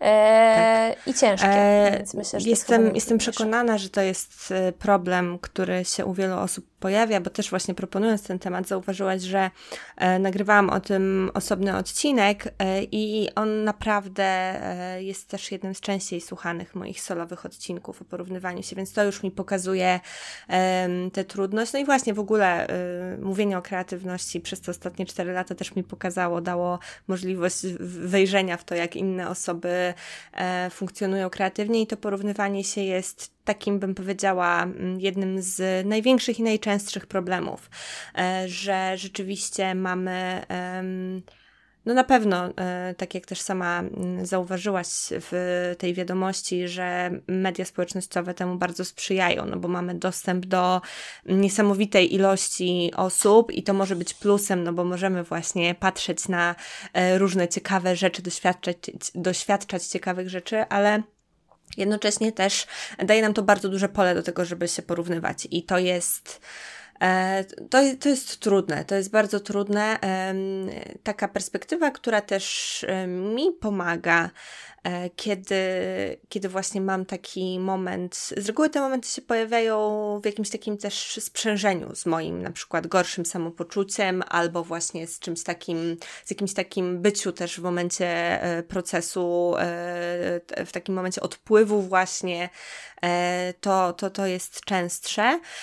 Ja często staram się traktować na to, to jest jakaś taka dodatkowa perspektywa, którą też przedstawiałam na jednych ze swoich warsztatów, którą podsunęła mi moja przyjaciółka Kasia, mm, że jest to swojego rodzaju też radar, że w momencie, kiedy zazdrościmy czegoś innym, porównujemy się do kogoś, to bardzo często to pokazuje nam, e, wskazuje nam na to, czego my chcemy e, i wskazuje nam na to, co jest dla nas ważne e, i do czego dążymy. Oczywiście, że to jest też bardzo często źródłem bólu i, i cierpienia, i to jest bardzo trudne, ale można też w momencie takiego już e, wychodzenia, albo po prostu e, w momencie porównania się zastanowić się nad tym, co to nam mówi o nas, nie? I co to nam mówi o o tym, e, o tym właśnie, czego chcemy, e, czego szukamy i, i, do czego dążymy. I to rzeczywiście m, mm, może być takim też e, znakiem, który nam pozwoli odsłonić rzeczy, które też nie zawsze są dla nas takie jawne i oczywiste, bo e, często myślimy o tym, czego powinnyśmy pragnąć, jak chcemy właśnie, żeby to nasze życie wyglądało jak to jakby tak, tak powszechnie uznawany rodzaj chociażby sukcesu czy czegoś, a się okazuje, że na przykład wolimy, wolałybyśmy robić coś zupełnie innego, więc to też może być całkiem, e, całkiem ciekawy hmm. drogowskaz. E, ale jeszcze wracając e, do, do tych pozytywnych rzeczy, właśnie do wyrażania siebie, no to jest niesamowite właśnie, że kreatywność też jest takim e, językiem, poprzez który możemy się wyrażać i chociaż, no właśnie, wszyscy, wszystkie osoby, które nas słuchają, prawdopodobnie mówią po polsku, to jednocześnie jakby to, jak, to co już wspomniałyśmy, jak na jak wiele sposobów sam język można wykorzystać, ale w ogóle, no też dalej idąc, kreatywność mm. i w jak wielu rzeczach możemy możemy się realizować, to jest niesamowite, że ta nasza kreatywność, tak jak mówisz, y, może pomóc y, zarówno w robieniu mm. albumów, zarówno w pisaniu scenariuszy, w gotowaniu, we wszystkim, nie? Że, że w tym wszystkim poprzez kreatywność możemy e, tą swoją osobę wyrazić. I to jest niesamowite. E, I, I też w pełni się z tym zgadzam, i też wiem, że to dla wielu y, z osób słuchających nas też jest jedna z najpiękniejszych rzeczy, w kreatywności i taka motywacja do tego, żeby kreować i, i nie przestawać. Także mm, e, super też, że o tym powiedziałaś. Mm, no i ostatnia, ostatnie pytanie, a w zasadzie zdanie do dokończenia, e, to zdanie od kuchni jestem i określenie, jaka jesteś od kuchni. Ja bym powiedziała, że od kuchni mhm. jestem wielowymiarowa. E, I to się też łączy z tym, co ja już powiedziałam, że ja y, nie skupiam się też w moich mhm. działaniach na jednej jakiejś niszy. Ja jestem bardzo otwarta na wiele, wiele e, rzeczy, wiele dróg, e, w które mogę iść i w które mogę, w które mogę zabłądzić w tych moich poczynaniach social mediowych, bo Wiele osób, na przykład y, moja grupa odbiorców na TikToku jest największa. Y, to jest ponad 300 tysięcy osób, które przez te lata się zgromadziły i większość z tych osób m, przybyła, poznała mnie przez mm -hmm. mój content taki bardzo komediowy. Na samym początku to nawet mm -hmm. było takie dosyć cringe'owe. Dzisiaj jak z perspektywy czasu na to patrzę, Myślę, ale umówmy się, kto zawsze czuje się odrobinę cringe'u, kiedy się zrobił. wraca do swoich początkowych czy, czy wcześniejszych dzieł, więc e, myślę, że nie jesteś tym sama. Zdecydowanie. Zdecydowanie tak, ale ja też mam taki, e, gdzieś tam taki mm -hmm. pierwiastek mnie jest troszkę cringe'owy, ja mam takie no poczucie no humoru, nie będę e, tego ukrywać. E, więc to jest e, część, właśnie tam ludzie znają mnie z tego, a na przykład osoby, które mm, obserwują mnie na Instagramie, one w głównej mierze zgromadziły się na moim mhm, profilu mm -hmm. ze względu na treści edukacyjne. Mm -hmm. Ale ja nie rozgraniczam tego. Ja publikuję wszystko na wszystkich platformach, ale są też osoby, które przyszły do mnie już bardzo dawno gdzieś na mój, mm -hmm. na mój mhm. Instagram, bo ja pisałam i teraz tak, jedna osoba, która zna mnie tylko z treści komediowych, powie, że ja tak. to jestem e, taka śmieszna i e, opowiadam tak. dobre żarty i w ogóle mam fajne poczucie humoru. Ktoś z Instagrama powie, że ja jestem e, mhm. e może mądra, e, może mam dużą wiedzę o języku. E, a ktoś inny mhm. powie, że ja jestem bardzo wrażliwa.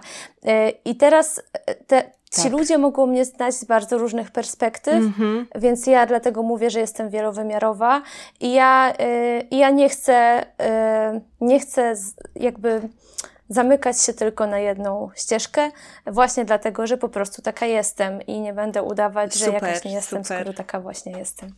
E, a dużo się mówi w social mediach o tym, że jak chcesz e, osiągnąć sukces, to zamknij się na tej jednej niszy bo wtedy algorytm naturalnie będzie tak. po prostu ciebie puszował do tych ludzi, którzy, rzecz, których rzeczywiście interesuje to, co robisz. Więc e, ja teraz mam lekki mhm. problem mm -hmm. właśnie z moimi zasięgami, ale e, i, i, oczywiście to nie jest tak, że ja.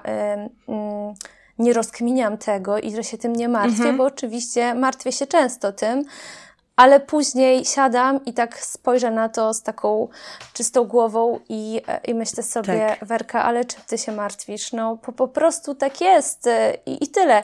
Najważniejsze, żeby robić to, e, z czego ty będziesz czuła się, e, z tak. czego wyniku ty e, będziesz to jest, zadowolona. E, o, tak. W ogóle to, ten temat e, niszy i, i temat wielowymiarowości e, w, w, kreatywności, to jest coś, co pojawia się już e, w kolejnej rozmowie. Kiedy nagrywamy tę rozmowę, jeszcze nie wyszła rozmowa z Agatą Królak, ale tam też ten temat się pojawiał i wydaje mi się, że jest to taka e, domena i w ogóle trudność osób, które są kreatywne, które po prostu kreują w pełni i czerpią z, ze, ze wszystkich swoich zasobów i też realizują się w tych wszystkich sferach, które je interesują, no to to, że jednak e, media społecznościowe mają konkretne ramy i e, no właśnie, algorytmy funkcjonują w konkretne, na konkretne sposoby i to jest ograniczające, w momencie, kiedy chciałoby się te swoje zasięgi e, powiększać ale tak jak mówisz, mhm. to ostatecznie ty jesteś tą osobą, która tworzy te treści, ty jesteś tą osobą, która e, ma radochę z tego, że nagra i taki filmik, i taki, e, że podzieli się i tą częścią siebie, i tamtą. I e, okej, okay, pewnie niektóre osoby pomijają część Twoich treści i skupiają się na innych, ale jednocześnie no to one też mają wybór. One też mają wybór, jak chcą, na jakich zasadach chcą Cię oglądać. Też nie muszą oglądać wszystkiego.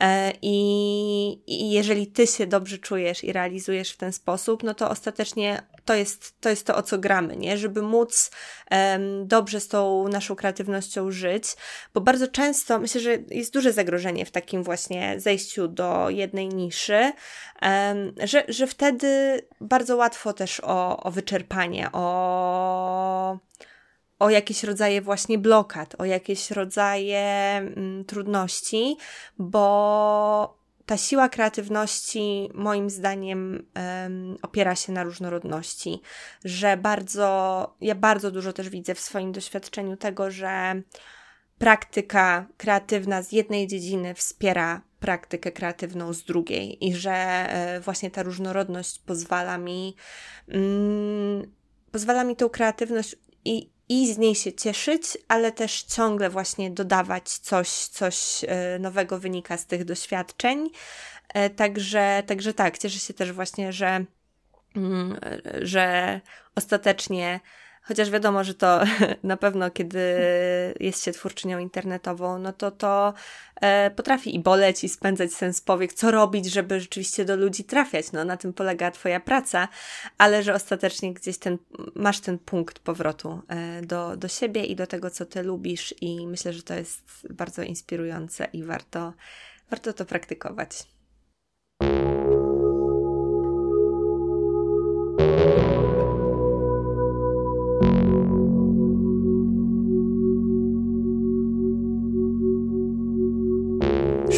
Sposobów na to, by wieść kreatywne życie na co dzień i realizować swoje kreatywne projekty? Już 3 października 2023 roku o godzinie 20 poprowadzę darmowy webinar na ten właśnie temat. Na podstawie mojego wieloletniego doświadczenia błądzenia po twórczych ścieżkach opowiem Ci o tym, co najczęściej przyćmiewa naszą kreatywność, nie dając nam dostępu do tego pełnego blasku, mm, spełnienia i poczucia bycia na właściwym miejscu kreatywnego życia opowiem Wam o tym, jak ja poradziłam sobie z takimi problemami jak perfekcjonizm, porównywanie się, prokrastynacja, niskie poczucie własnej wartości i dam znać, jak Wy możecie sobie z takimi trudnościami poradzić. Jeśli jesteś zainteresowana, zainteresowany udziałem w tym webinarze, to koniecznie zapisz się pod linkiem umyślnikjanoszuk.pl ukośnik webinar Link do zapisu znajdziesz też w opisie tego odcinka. Dołącz do spotkania i pomóż swojej kreatywności rozbłysnąć.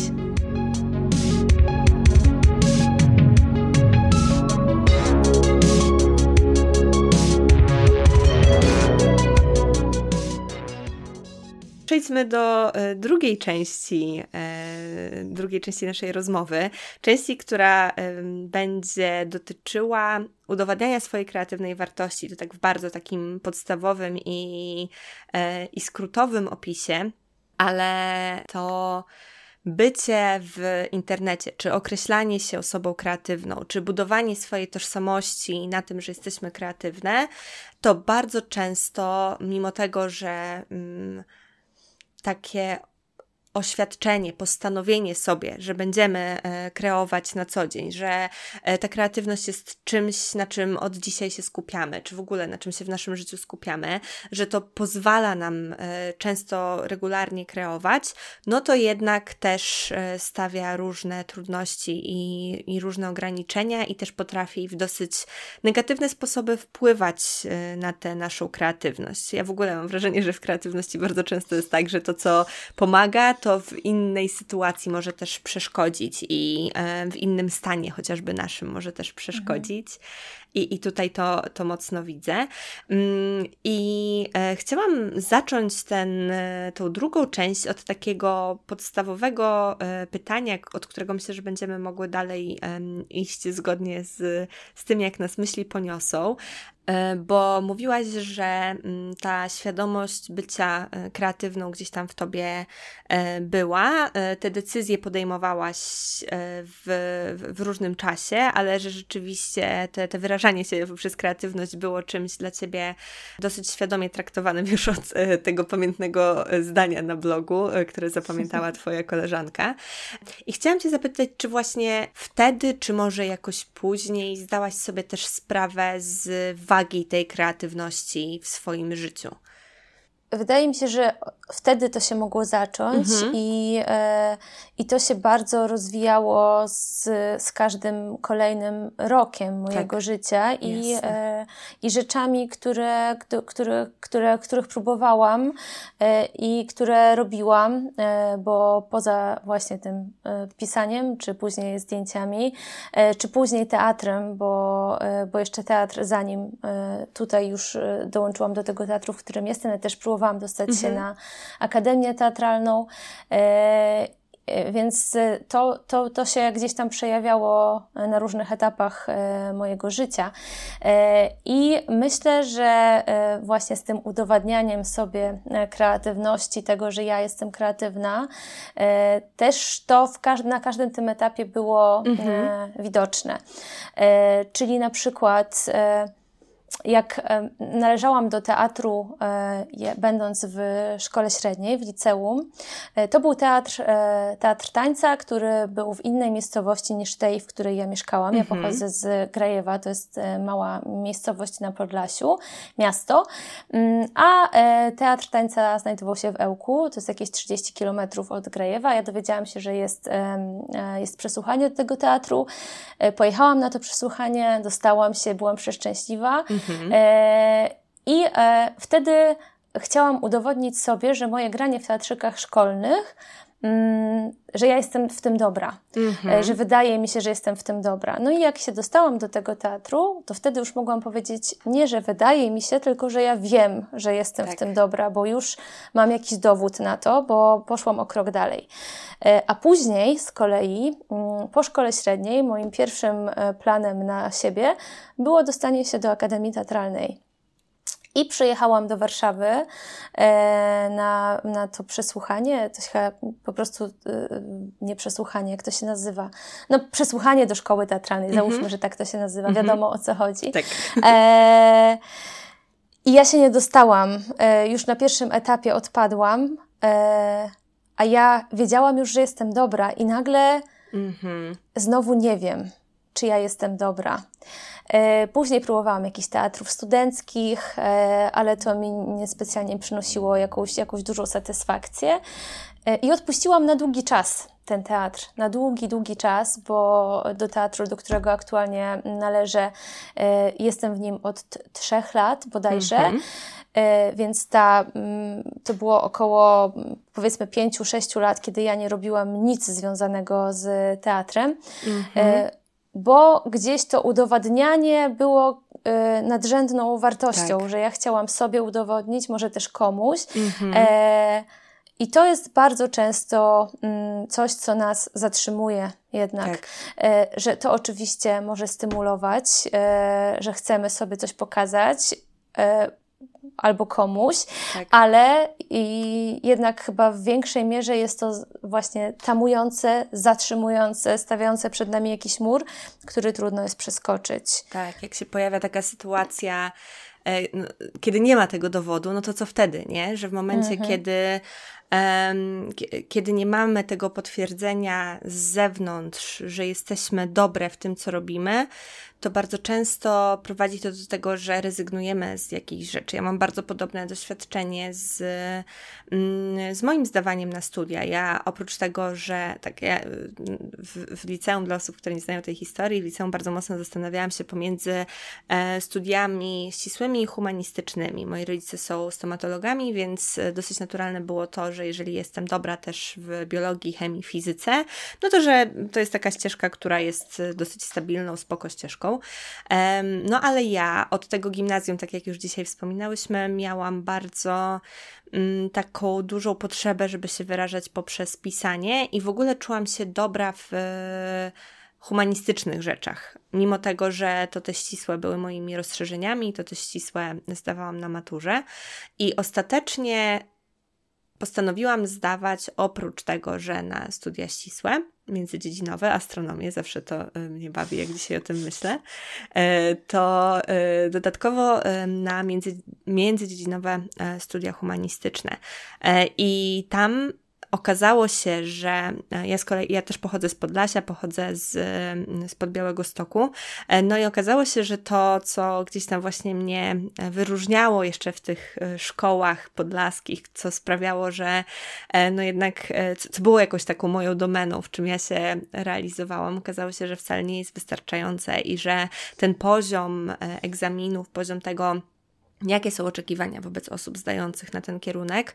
E, zupełnie przekraczają to, e, ile ja wtedy umiałam, w jaki sposób ja też potrafiłam e, mówić. To były umiejętności, które dopiero gdzieś na studiach zaczęły przychodzić i to było trudne. Ja zdawałam do tej, na ten kierunek też rok później. Rok później też się nie dostałam. Dostałam się na inny kierunek kulturoznawczy, ale no to było dla mnie duże też, duży taki właśnie kopniak w poczucie własnej własnej wartości, e, że ja po prostu sobie nie, nie udowodniłam w ten sposób, w ten taki najbardziej formalny, doceniany przez społeczeństwo sposób, jakim jest pójście na jakieś studia, czy właśnie jakiś rodzaj osiągnięcia sukcesu, więc bardzo dobrze też e, rozumiem to, to, jak ty musiałaś się czuć, nie, nie mogąc e, kontynuować tej pasji i nie, nie zdając, nie, nie robiąc tego, co właśnie, czego właśnie się oczekuje od y, twórczych osób, kiedy się,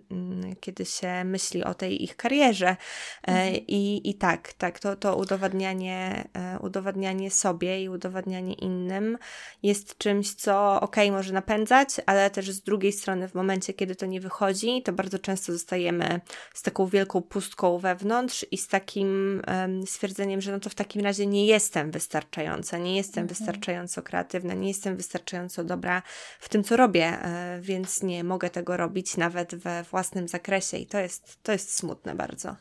Zdecydowanie. I wiesz, jeszcze, e, jeszcze jest jedna rzecz, o której Ty wspomniałaś, e, że to. Mm, to udowadnianie sobie i ten brak dowodu, e, on może nas właśnie automatycznie zatrzymać e, i skierować nas w zupełnie inną tak. stronę. Tak, tak. I widzisz, ty się nie poddałaś, za rok próbowałaś innego kierunku, a ja trochę się poddałam mhm. wtedy.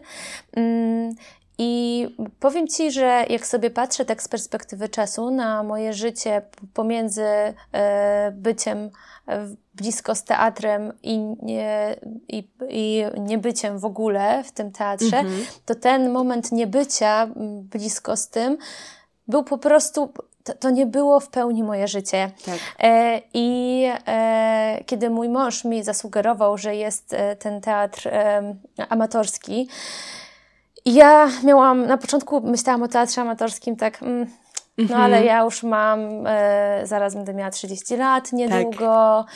no nie wiem, no i poza tym to jest teatr amatorski i powiem Ci, że mam, e, znam kilka osób, które są aktorami po prostu zawodowo, e, i one często może nawet nie czerpią tak dużej satysfakcji. Znaczy nie mhm. wiem, ale tak mi się wydaje, jak ja z tego mojego teatru amatorskiego, w którym ja się fantastycznie realizuję. I do tego jeszcze mam tego mojego TikToka, gdzie też mogę realizować w domu sobie te moje zajawki e, stricte związane z teatrem. Tak. Więc czasami to poszukiwanie e, tego dowodu e, gdzieś ta, tak nas zawiesza, ale mhm. wydaje mi się, że ważne jest to, żeby jednak czasami dać sobie do niego wrócić i poszukać go może trochę innej ścieżce i nie zamykać sobie tej ścieżki, dlatego że coś. I to jest też znowu takie nawiązanie do tego, o czym e, rozmawiałyśmy wcześniej, czyli próbowania tak. wielu różnych rzeczy. Tak, zdecydowanie. No łatwo, bardzo, kiedy ta motywacja polega na efektach, polega na osiągnięciach. To jest coś, o czym ja wielokrotnie ostatnio mówię, ale to jest takie, taka rzecz, która dla mnie była przełomowa w moim myśleniu o kreatywności i moje życie przez te 27 lat wyglądało tak, że tą główną dla mnie motywacją było to, żeby innym coś pokazać, mhm. żeby nawet właśnie dlatego, dlatego myślę, że też ja, kiedy mm, rozmawiamy, tak ciążę w stronę tych innych, a nie do końca siebie, bo y, ja dla siebie nigdy nie stanowiłam jakiejś takiej osoby, której, do, dla której chciałabym zaimponować, nie? Że mhm. e, dla mnie to, to nigdy nie było czymś takim, co jakby też wiąże się z jakimiś innymi e, problemami, które musiałam przepracować, właśnie z tą, to, z tą swoją, docenianiem tej swojej wagi niezależnie od, od wszystkiego, ale że rzeczywiście to, ta, ta zewnętrzna motywacja była czymś, co mimo tego, że od bardzo wczesnego wieku tak naprawdę, no bo od tego gdzieś tam 14 roku życia ja już stwierdziłam, że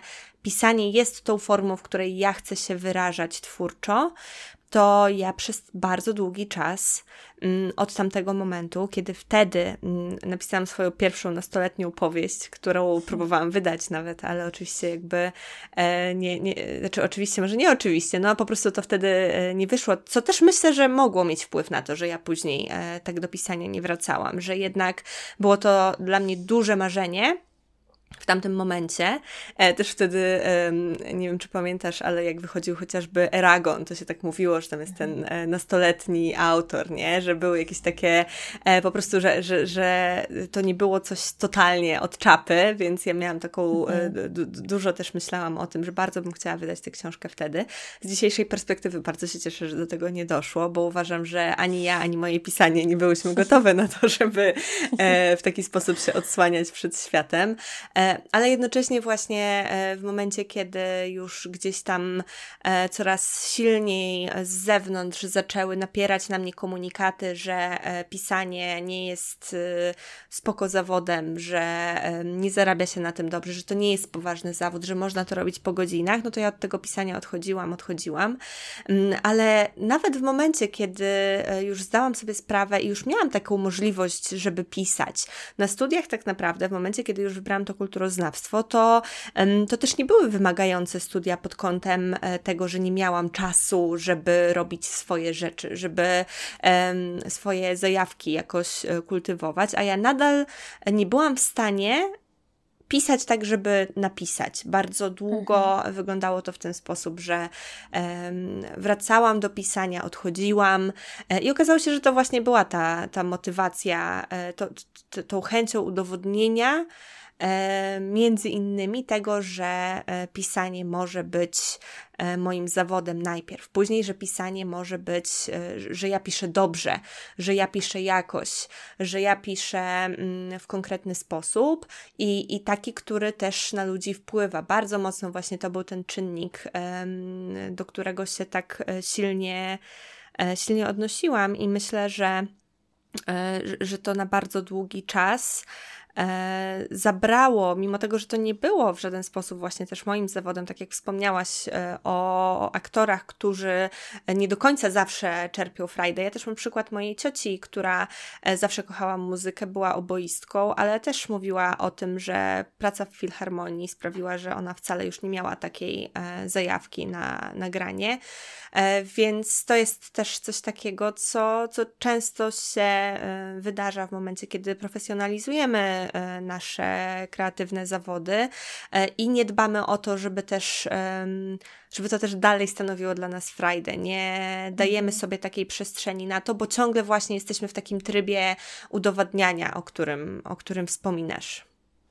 Zdecydowanie, zdecydowanie tak, ale y, też to, to, o czym mówisz, y, udowadnianie innym ludziom, y, to w przypadku TikToka na przykład, to jest coś cholernie obciążającego, mhm. bo y, ja zauważyłam, że w momencie, kiedy ja chcę udowodnić, że jestem śmieszna, to to wychodzi w zupełnie inną mm, stronę. To jest, to jest mm, najgorsza rzecz.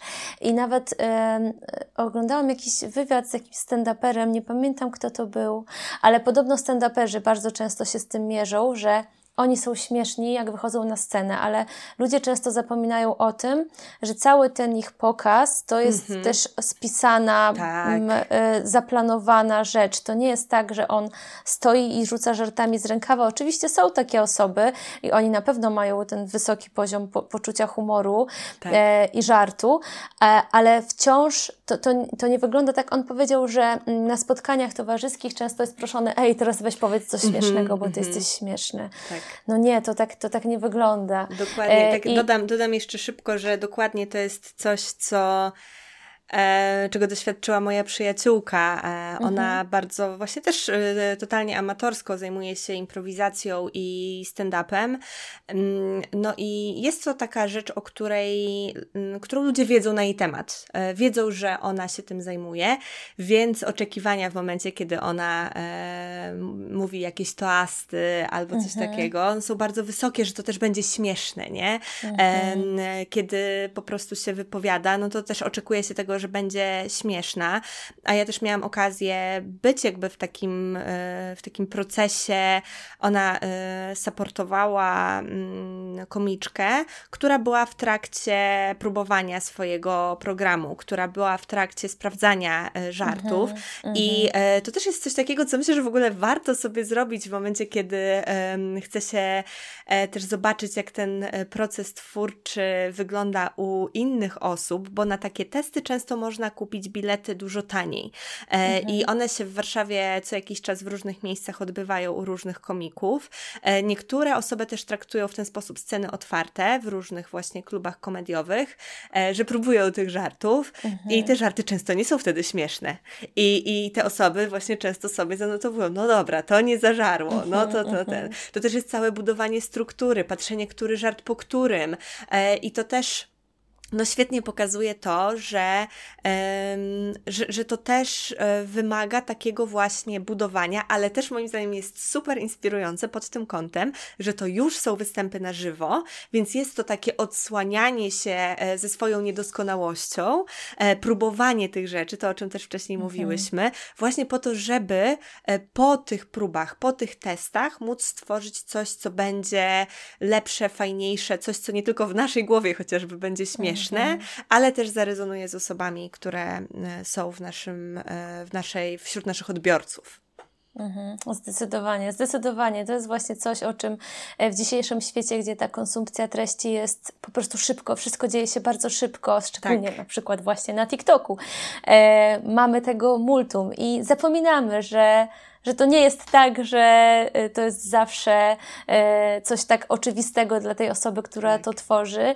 I że ten, zawsze jej wychodzi, humor. nie? Otóż to, dokładnie, dokładnie. Dlatego też y, ciekawym elementem właśnie mm, bycia w social mediach i prowadzenia swoich kanałów są live, mhm. bo ja na przykład teraz rzadko prowadzę live, ale niedługo będę do nich wracać mhm. na TikToku.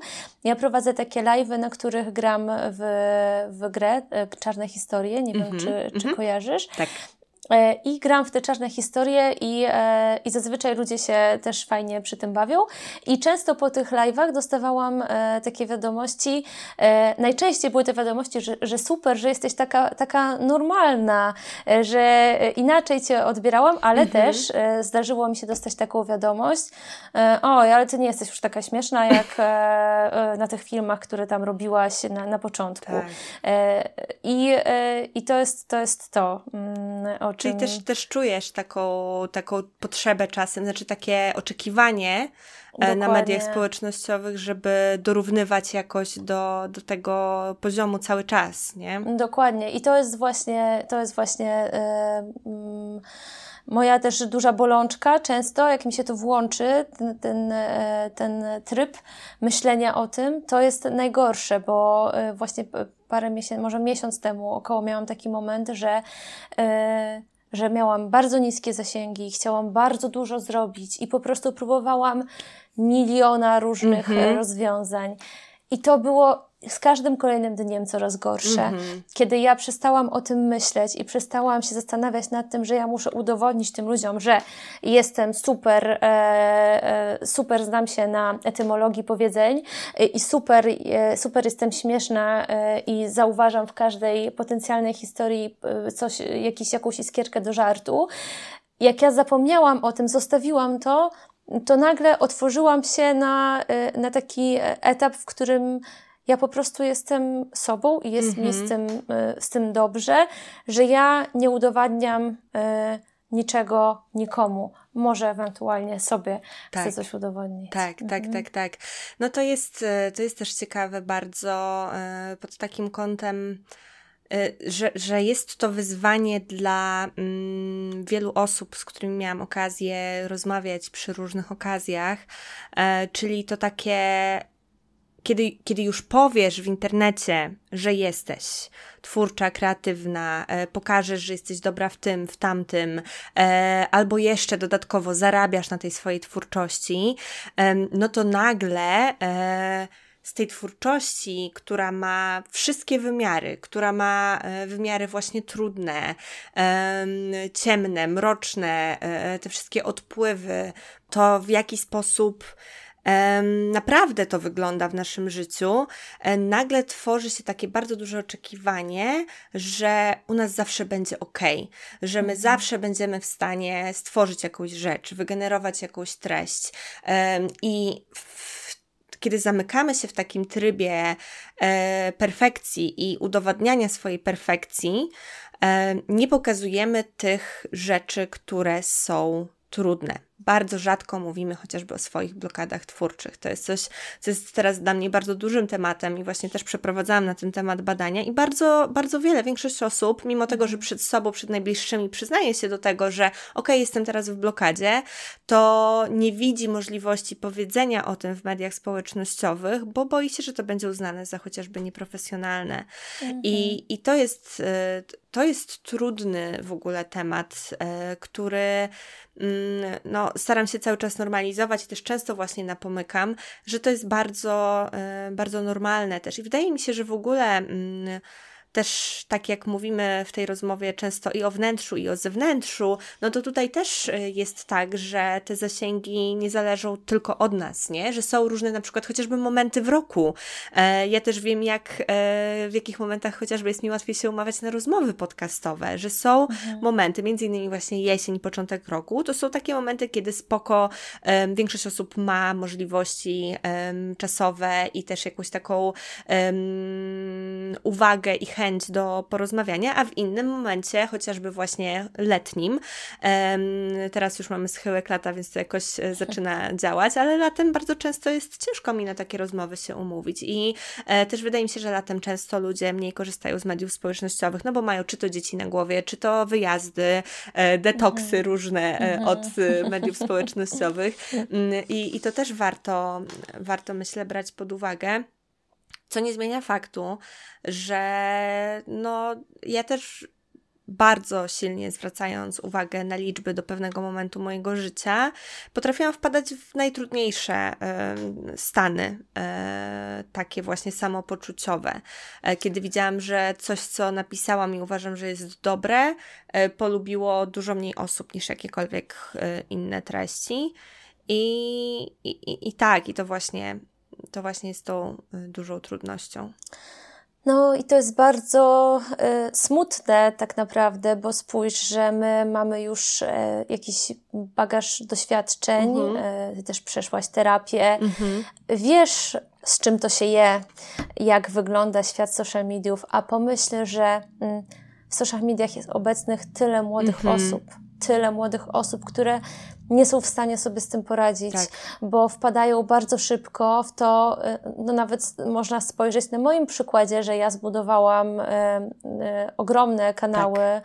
100 tysięcy osób na YouTubie, 300 tysięcy osób na TikToku, to jest masa ludzi w dwa lata. Tak. Wiesz, to jest, y, niektórzy YouTuberzy, wiesz, budują swoje kanały przez lata i, i nie mogą dobić do takiej liczby. E, I bardzo wiele osób dzisiaj ma co, coś takiego, to znaczy zdobyło taką liczbę obserwujących i bardzo często to są młode osoby. I w momencie, kiedy te młode osoby znajdują się e, w takiej sytuacji, w jakiej na przykład ja znajdowałam się, e, albo wciąż nawet może się znajduję, że mam po prostu spadek tak. oglądalności, one nie potrafią sobie z tym poradzić, bo nie potrafią mm -hmm. sobie wytłumaczyć, e, tego, jak to wszystko funkcjonuje, jak to działa. E, I e, to jest rzecz, która na pewno myślę, że będzie w najbliższych latach wymagała od systemu edukacji też wprowadzenia e, zmian, tak. żeby tych młodych ludzi uczyć tego, jak to wygląda mhm. to, to życie w social media. Tak, nie? tak, tak, tak. Właśnie też myślę, że to jest duża rzecz, to uniezależnianie własnej wartości od, od tych liczb i to jest taka, mhm. no to jest coś, co u mnie wymagało dużo pracy, ale wiem też, że nie jestem w tym sama.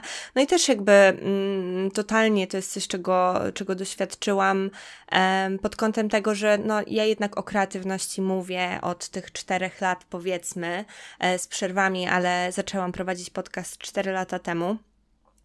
I y, też wielokrotnie musiałam jakoś sobie przepracowywać y, tą presję, której tak naprawdę nikt mi nie, nie, nie narzucił, nie powiedział, no to skoro ty mówisz o kreatywności, to ty musisz być zawsze kreatywna. Ale to było mhm. coś takiego, co ja sama wielokrotnie gdzieś tam rozważałam, nie? Że kurde, skoro ja mówię o kreatywności, no to ja powinnam e, kreować, powinnam kreować duże rzeczy. Bardzo długo borykałam się z tym, że mimo tego, że mówię o kreatywności, nie napisałam chociażby powieści.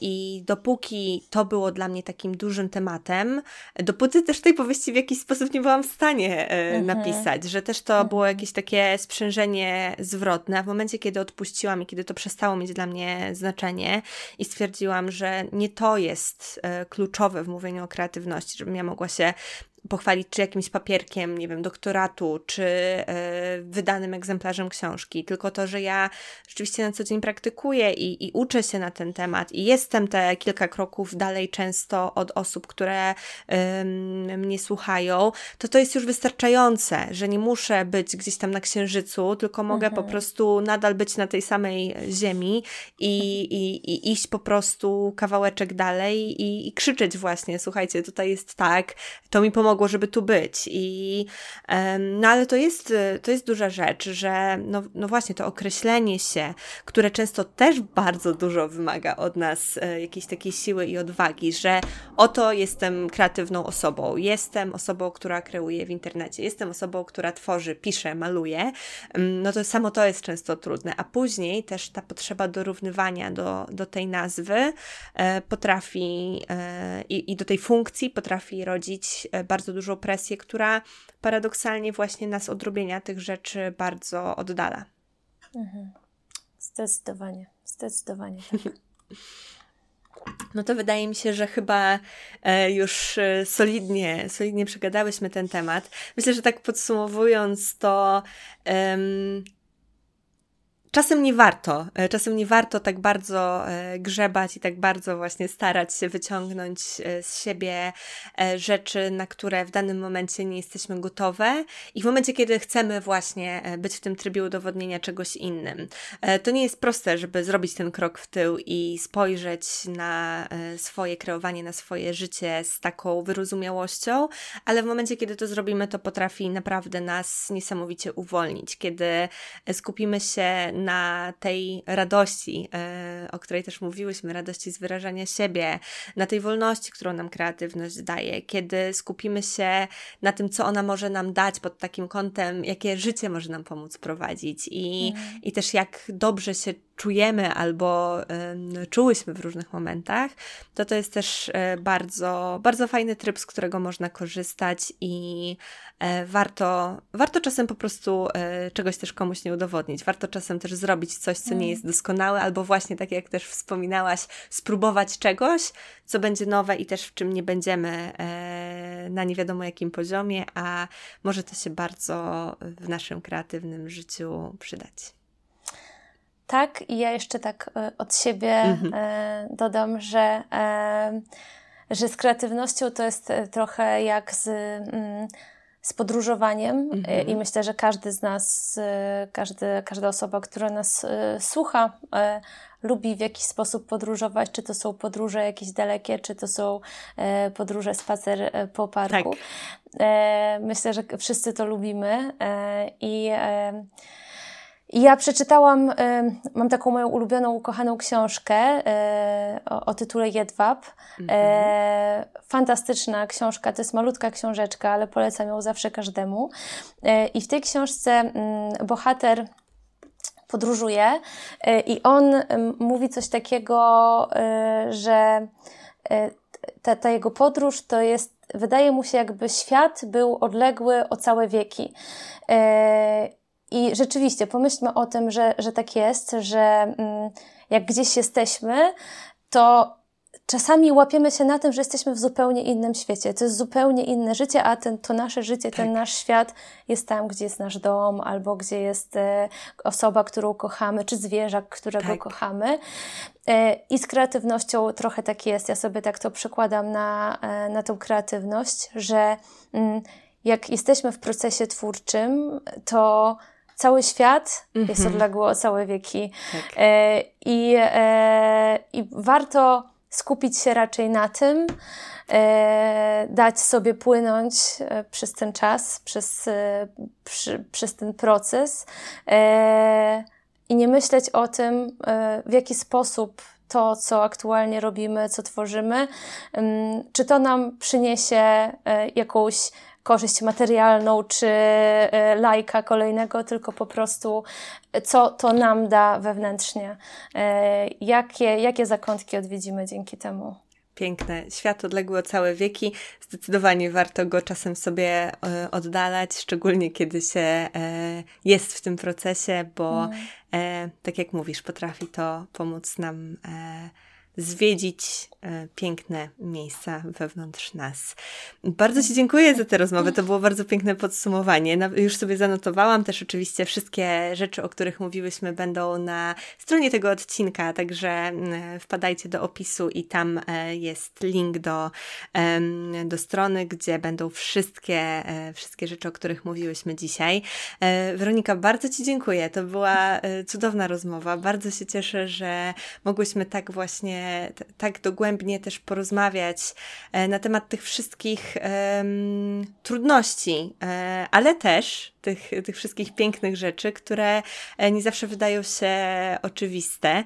I na zakończenie chciałabym Cię zapytać, mówiłaś w międzyczasie, gdzie Cię między innymi można znaleźć, ale na potrzeby naszych słuchaczy, słuchaczek, powtórz proszę, gdzie w internecie Cię znajdziemy. E, zna, znajdziecie mnie na Instagramie, na YouTubie i na TikToku. Wszędzie nazywam się e, jako Fajerwerka. E, Fajerwerka pisane przez V. Tak. Fajer jak kolor moich włosów ognisty oraz werka jak ja czyli Werka. I też to oczywiście będziecie mieć e, w opisie tego odcinka, e, żeby móc odwiedzać i sprawdzać. Jeżeli e, nie znacie Weroniki, no to możecie sobie zobaczyć wszystkie śmieszne i edukacyjne rzeczy, o których dzisiaj mówiłyśmy, żeby mieć pełen obraz tego, jak ta jej twórczość wygląda. No nie pełen, jak już ustaliłyśmy, ale któryś z wymiarów jej twórczości. Także bardzo Ci dziękuję jeszcze raz i to była wielka przyjemność móc Tobą porozmawiać. Ja również bardzo, bardzo dziękuję. E, już nawet tutaj w krótkiej przerwie rozmawiałyśmy, że mogłybyśmy godzinami gadać tak, o tej tak, tak. kreatywności. Tak. I, I, tak, e, tak naprawdę jest. To tylko rozmowa. tak, no, to, tylko ułamek z tego, o czym pewnie mogłybyśmy, e, mogłybyśmy gadać, ale mam nadzieję, że taki, który też coś ciekawego wniósł do Waszych żyć, bo do mojego na pewno. Dzięki. Dzięki. I to tyle na dziś. Zanim opuścisz naszą kreatywną krainę, koniecznie daj znać, która z myśli była dla Ciebie najbardziej błyskotliwa. Podziel się nią na Instagramie i oznacz profil u podkreślnik Janoszuk lub napisz w komentarzu pod wpisem do odcinka na www.umyślnikjanoszuk.pl. Tam znajdziesz też wszystkie odnośniki i notatki do odcinka. Do usłyszenia, a tymczasem niech błysk będzie z Tobą.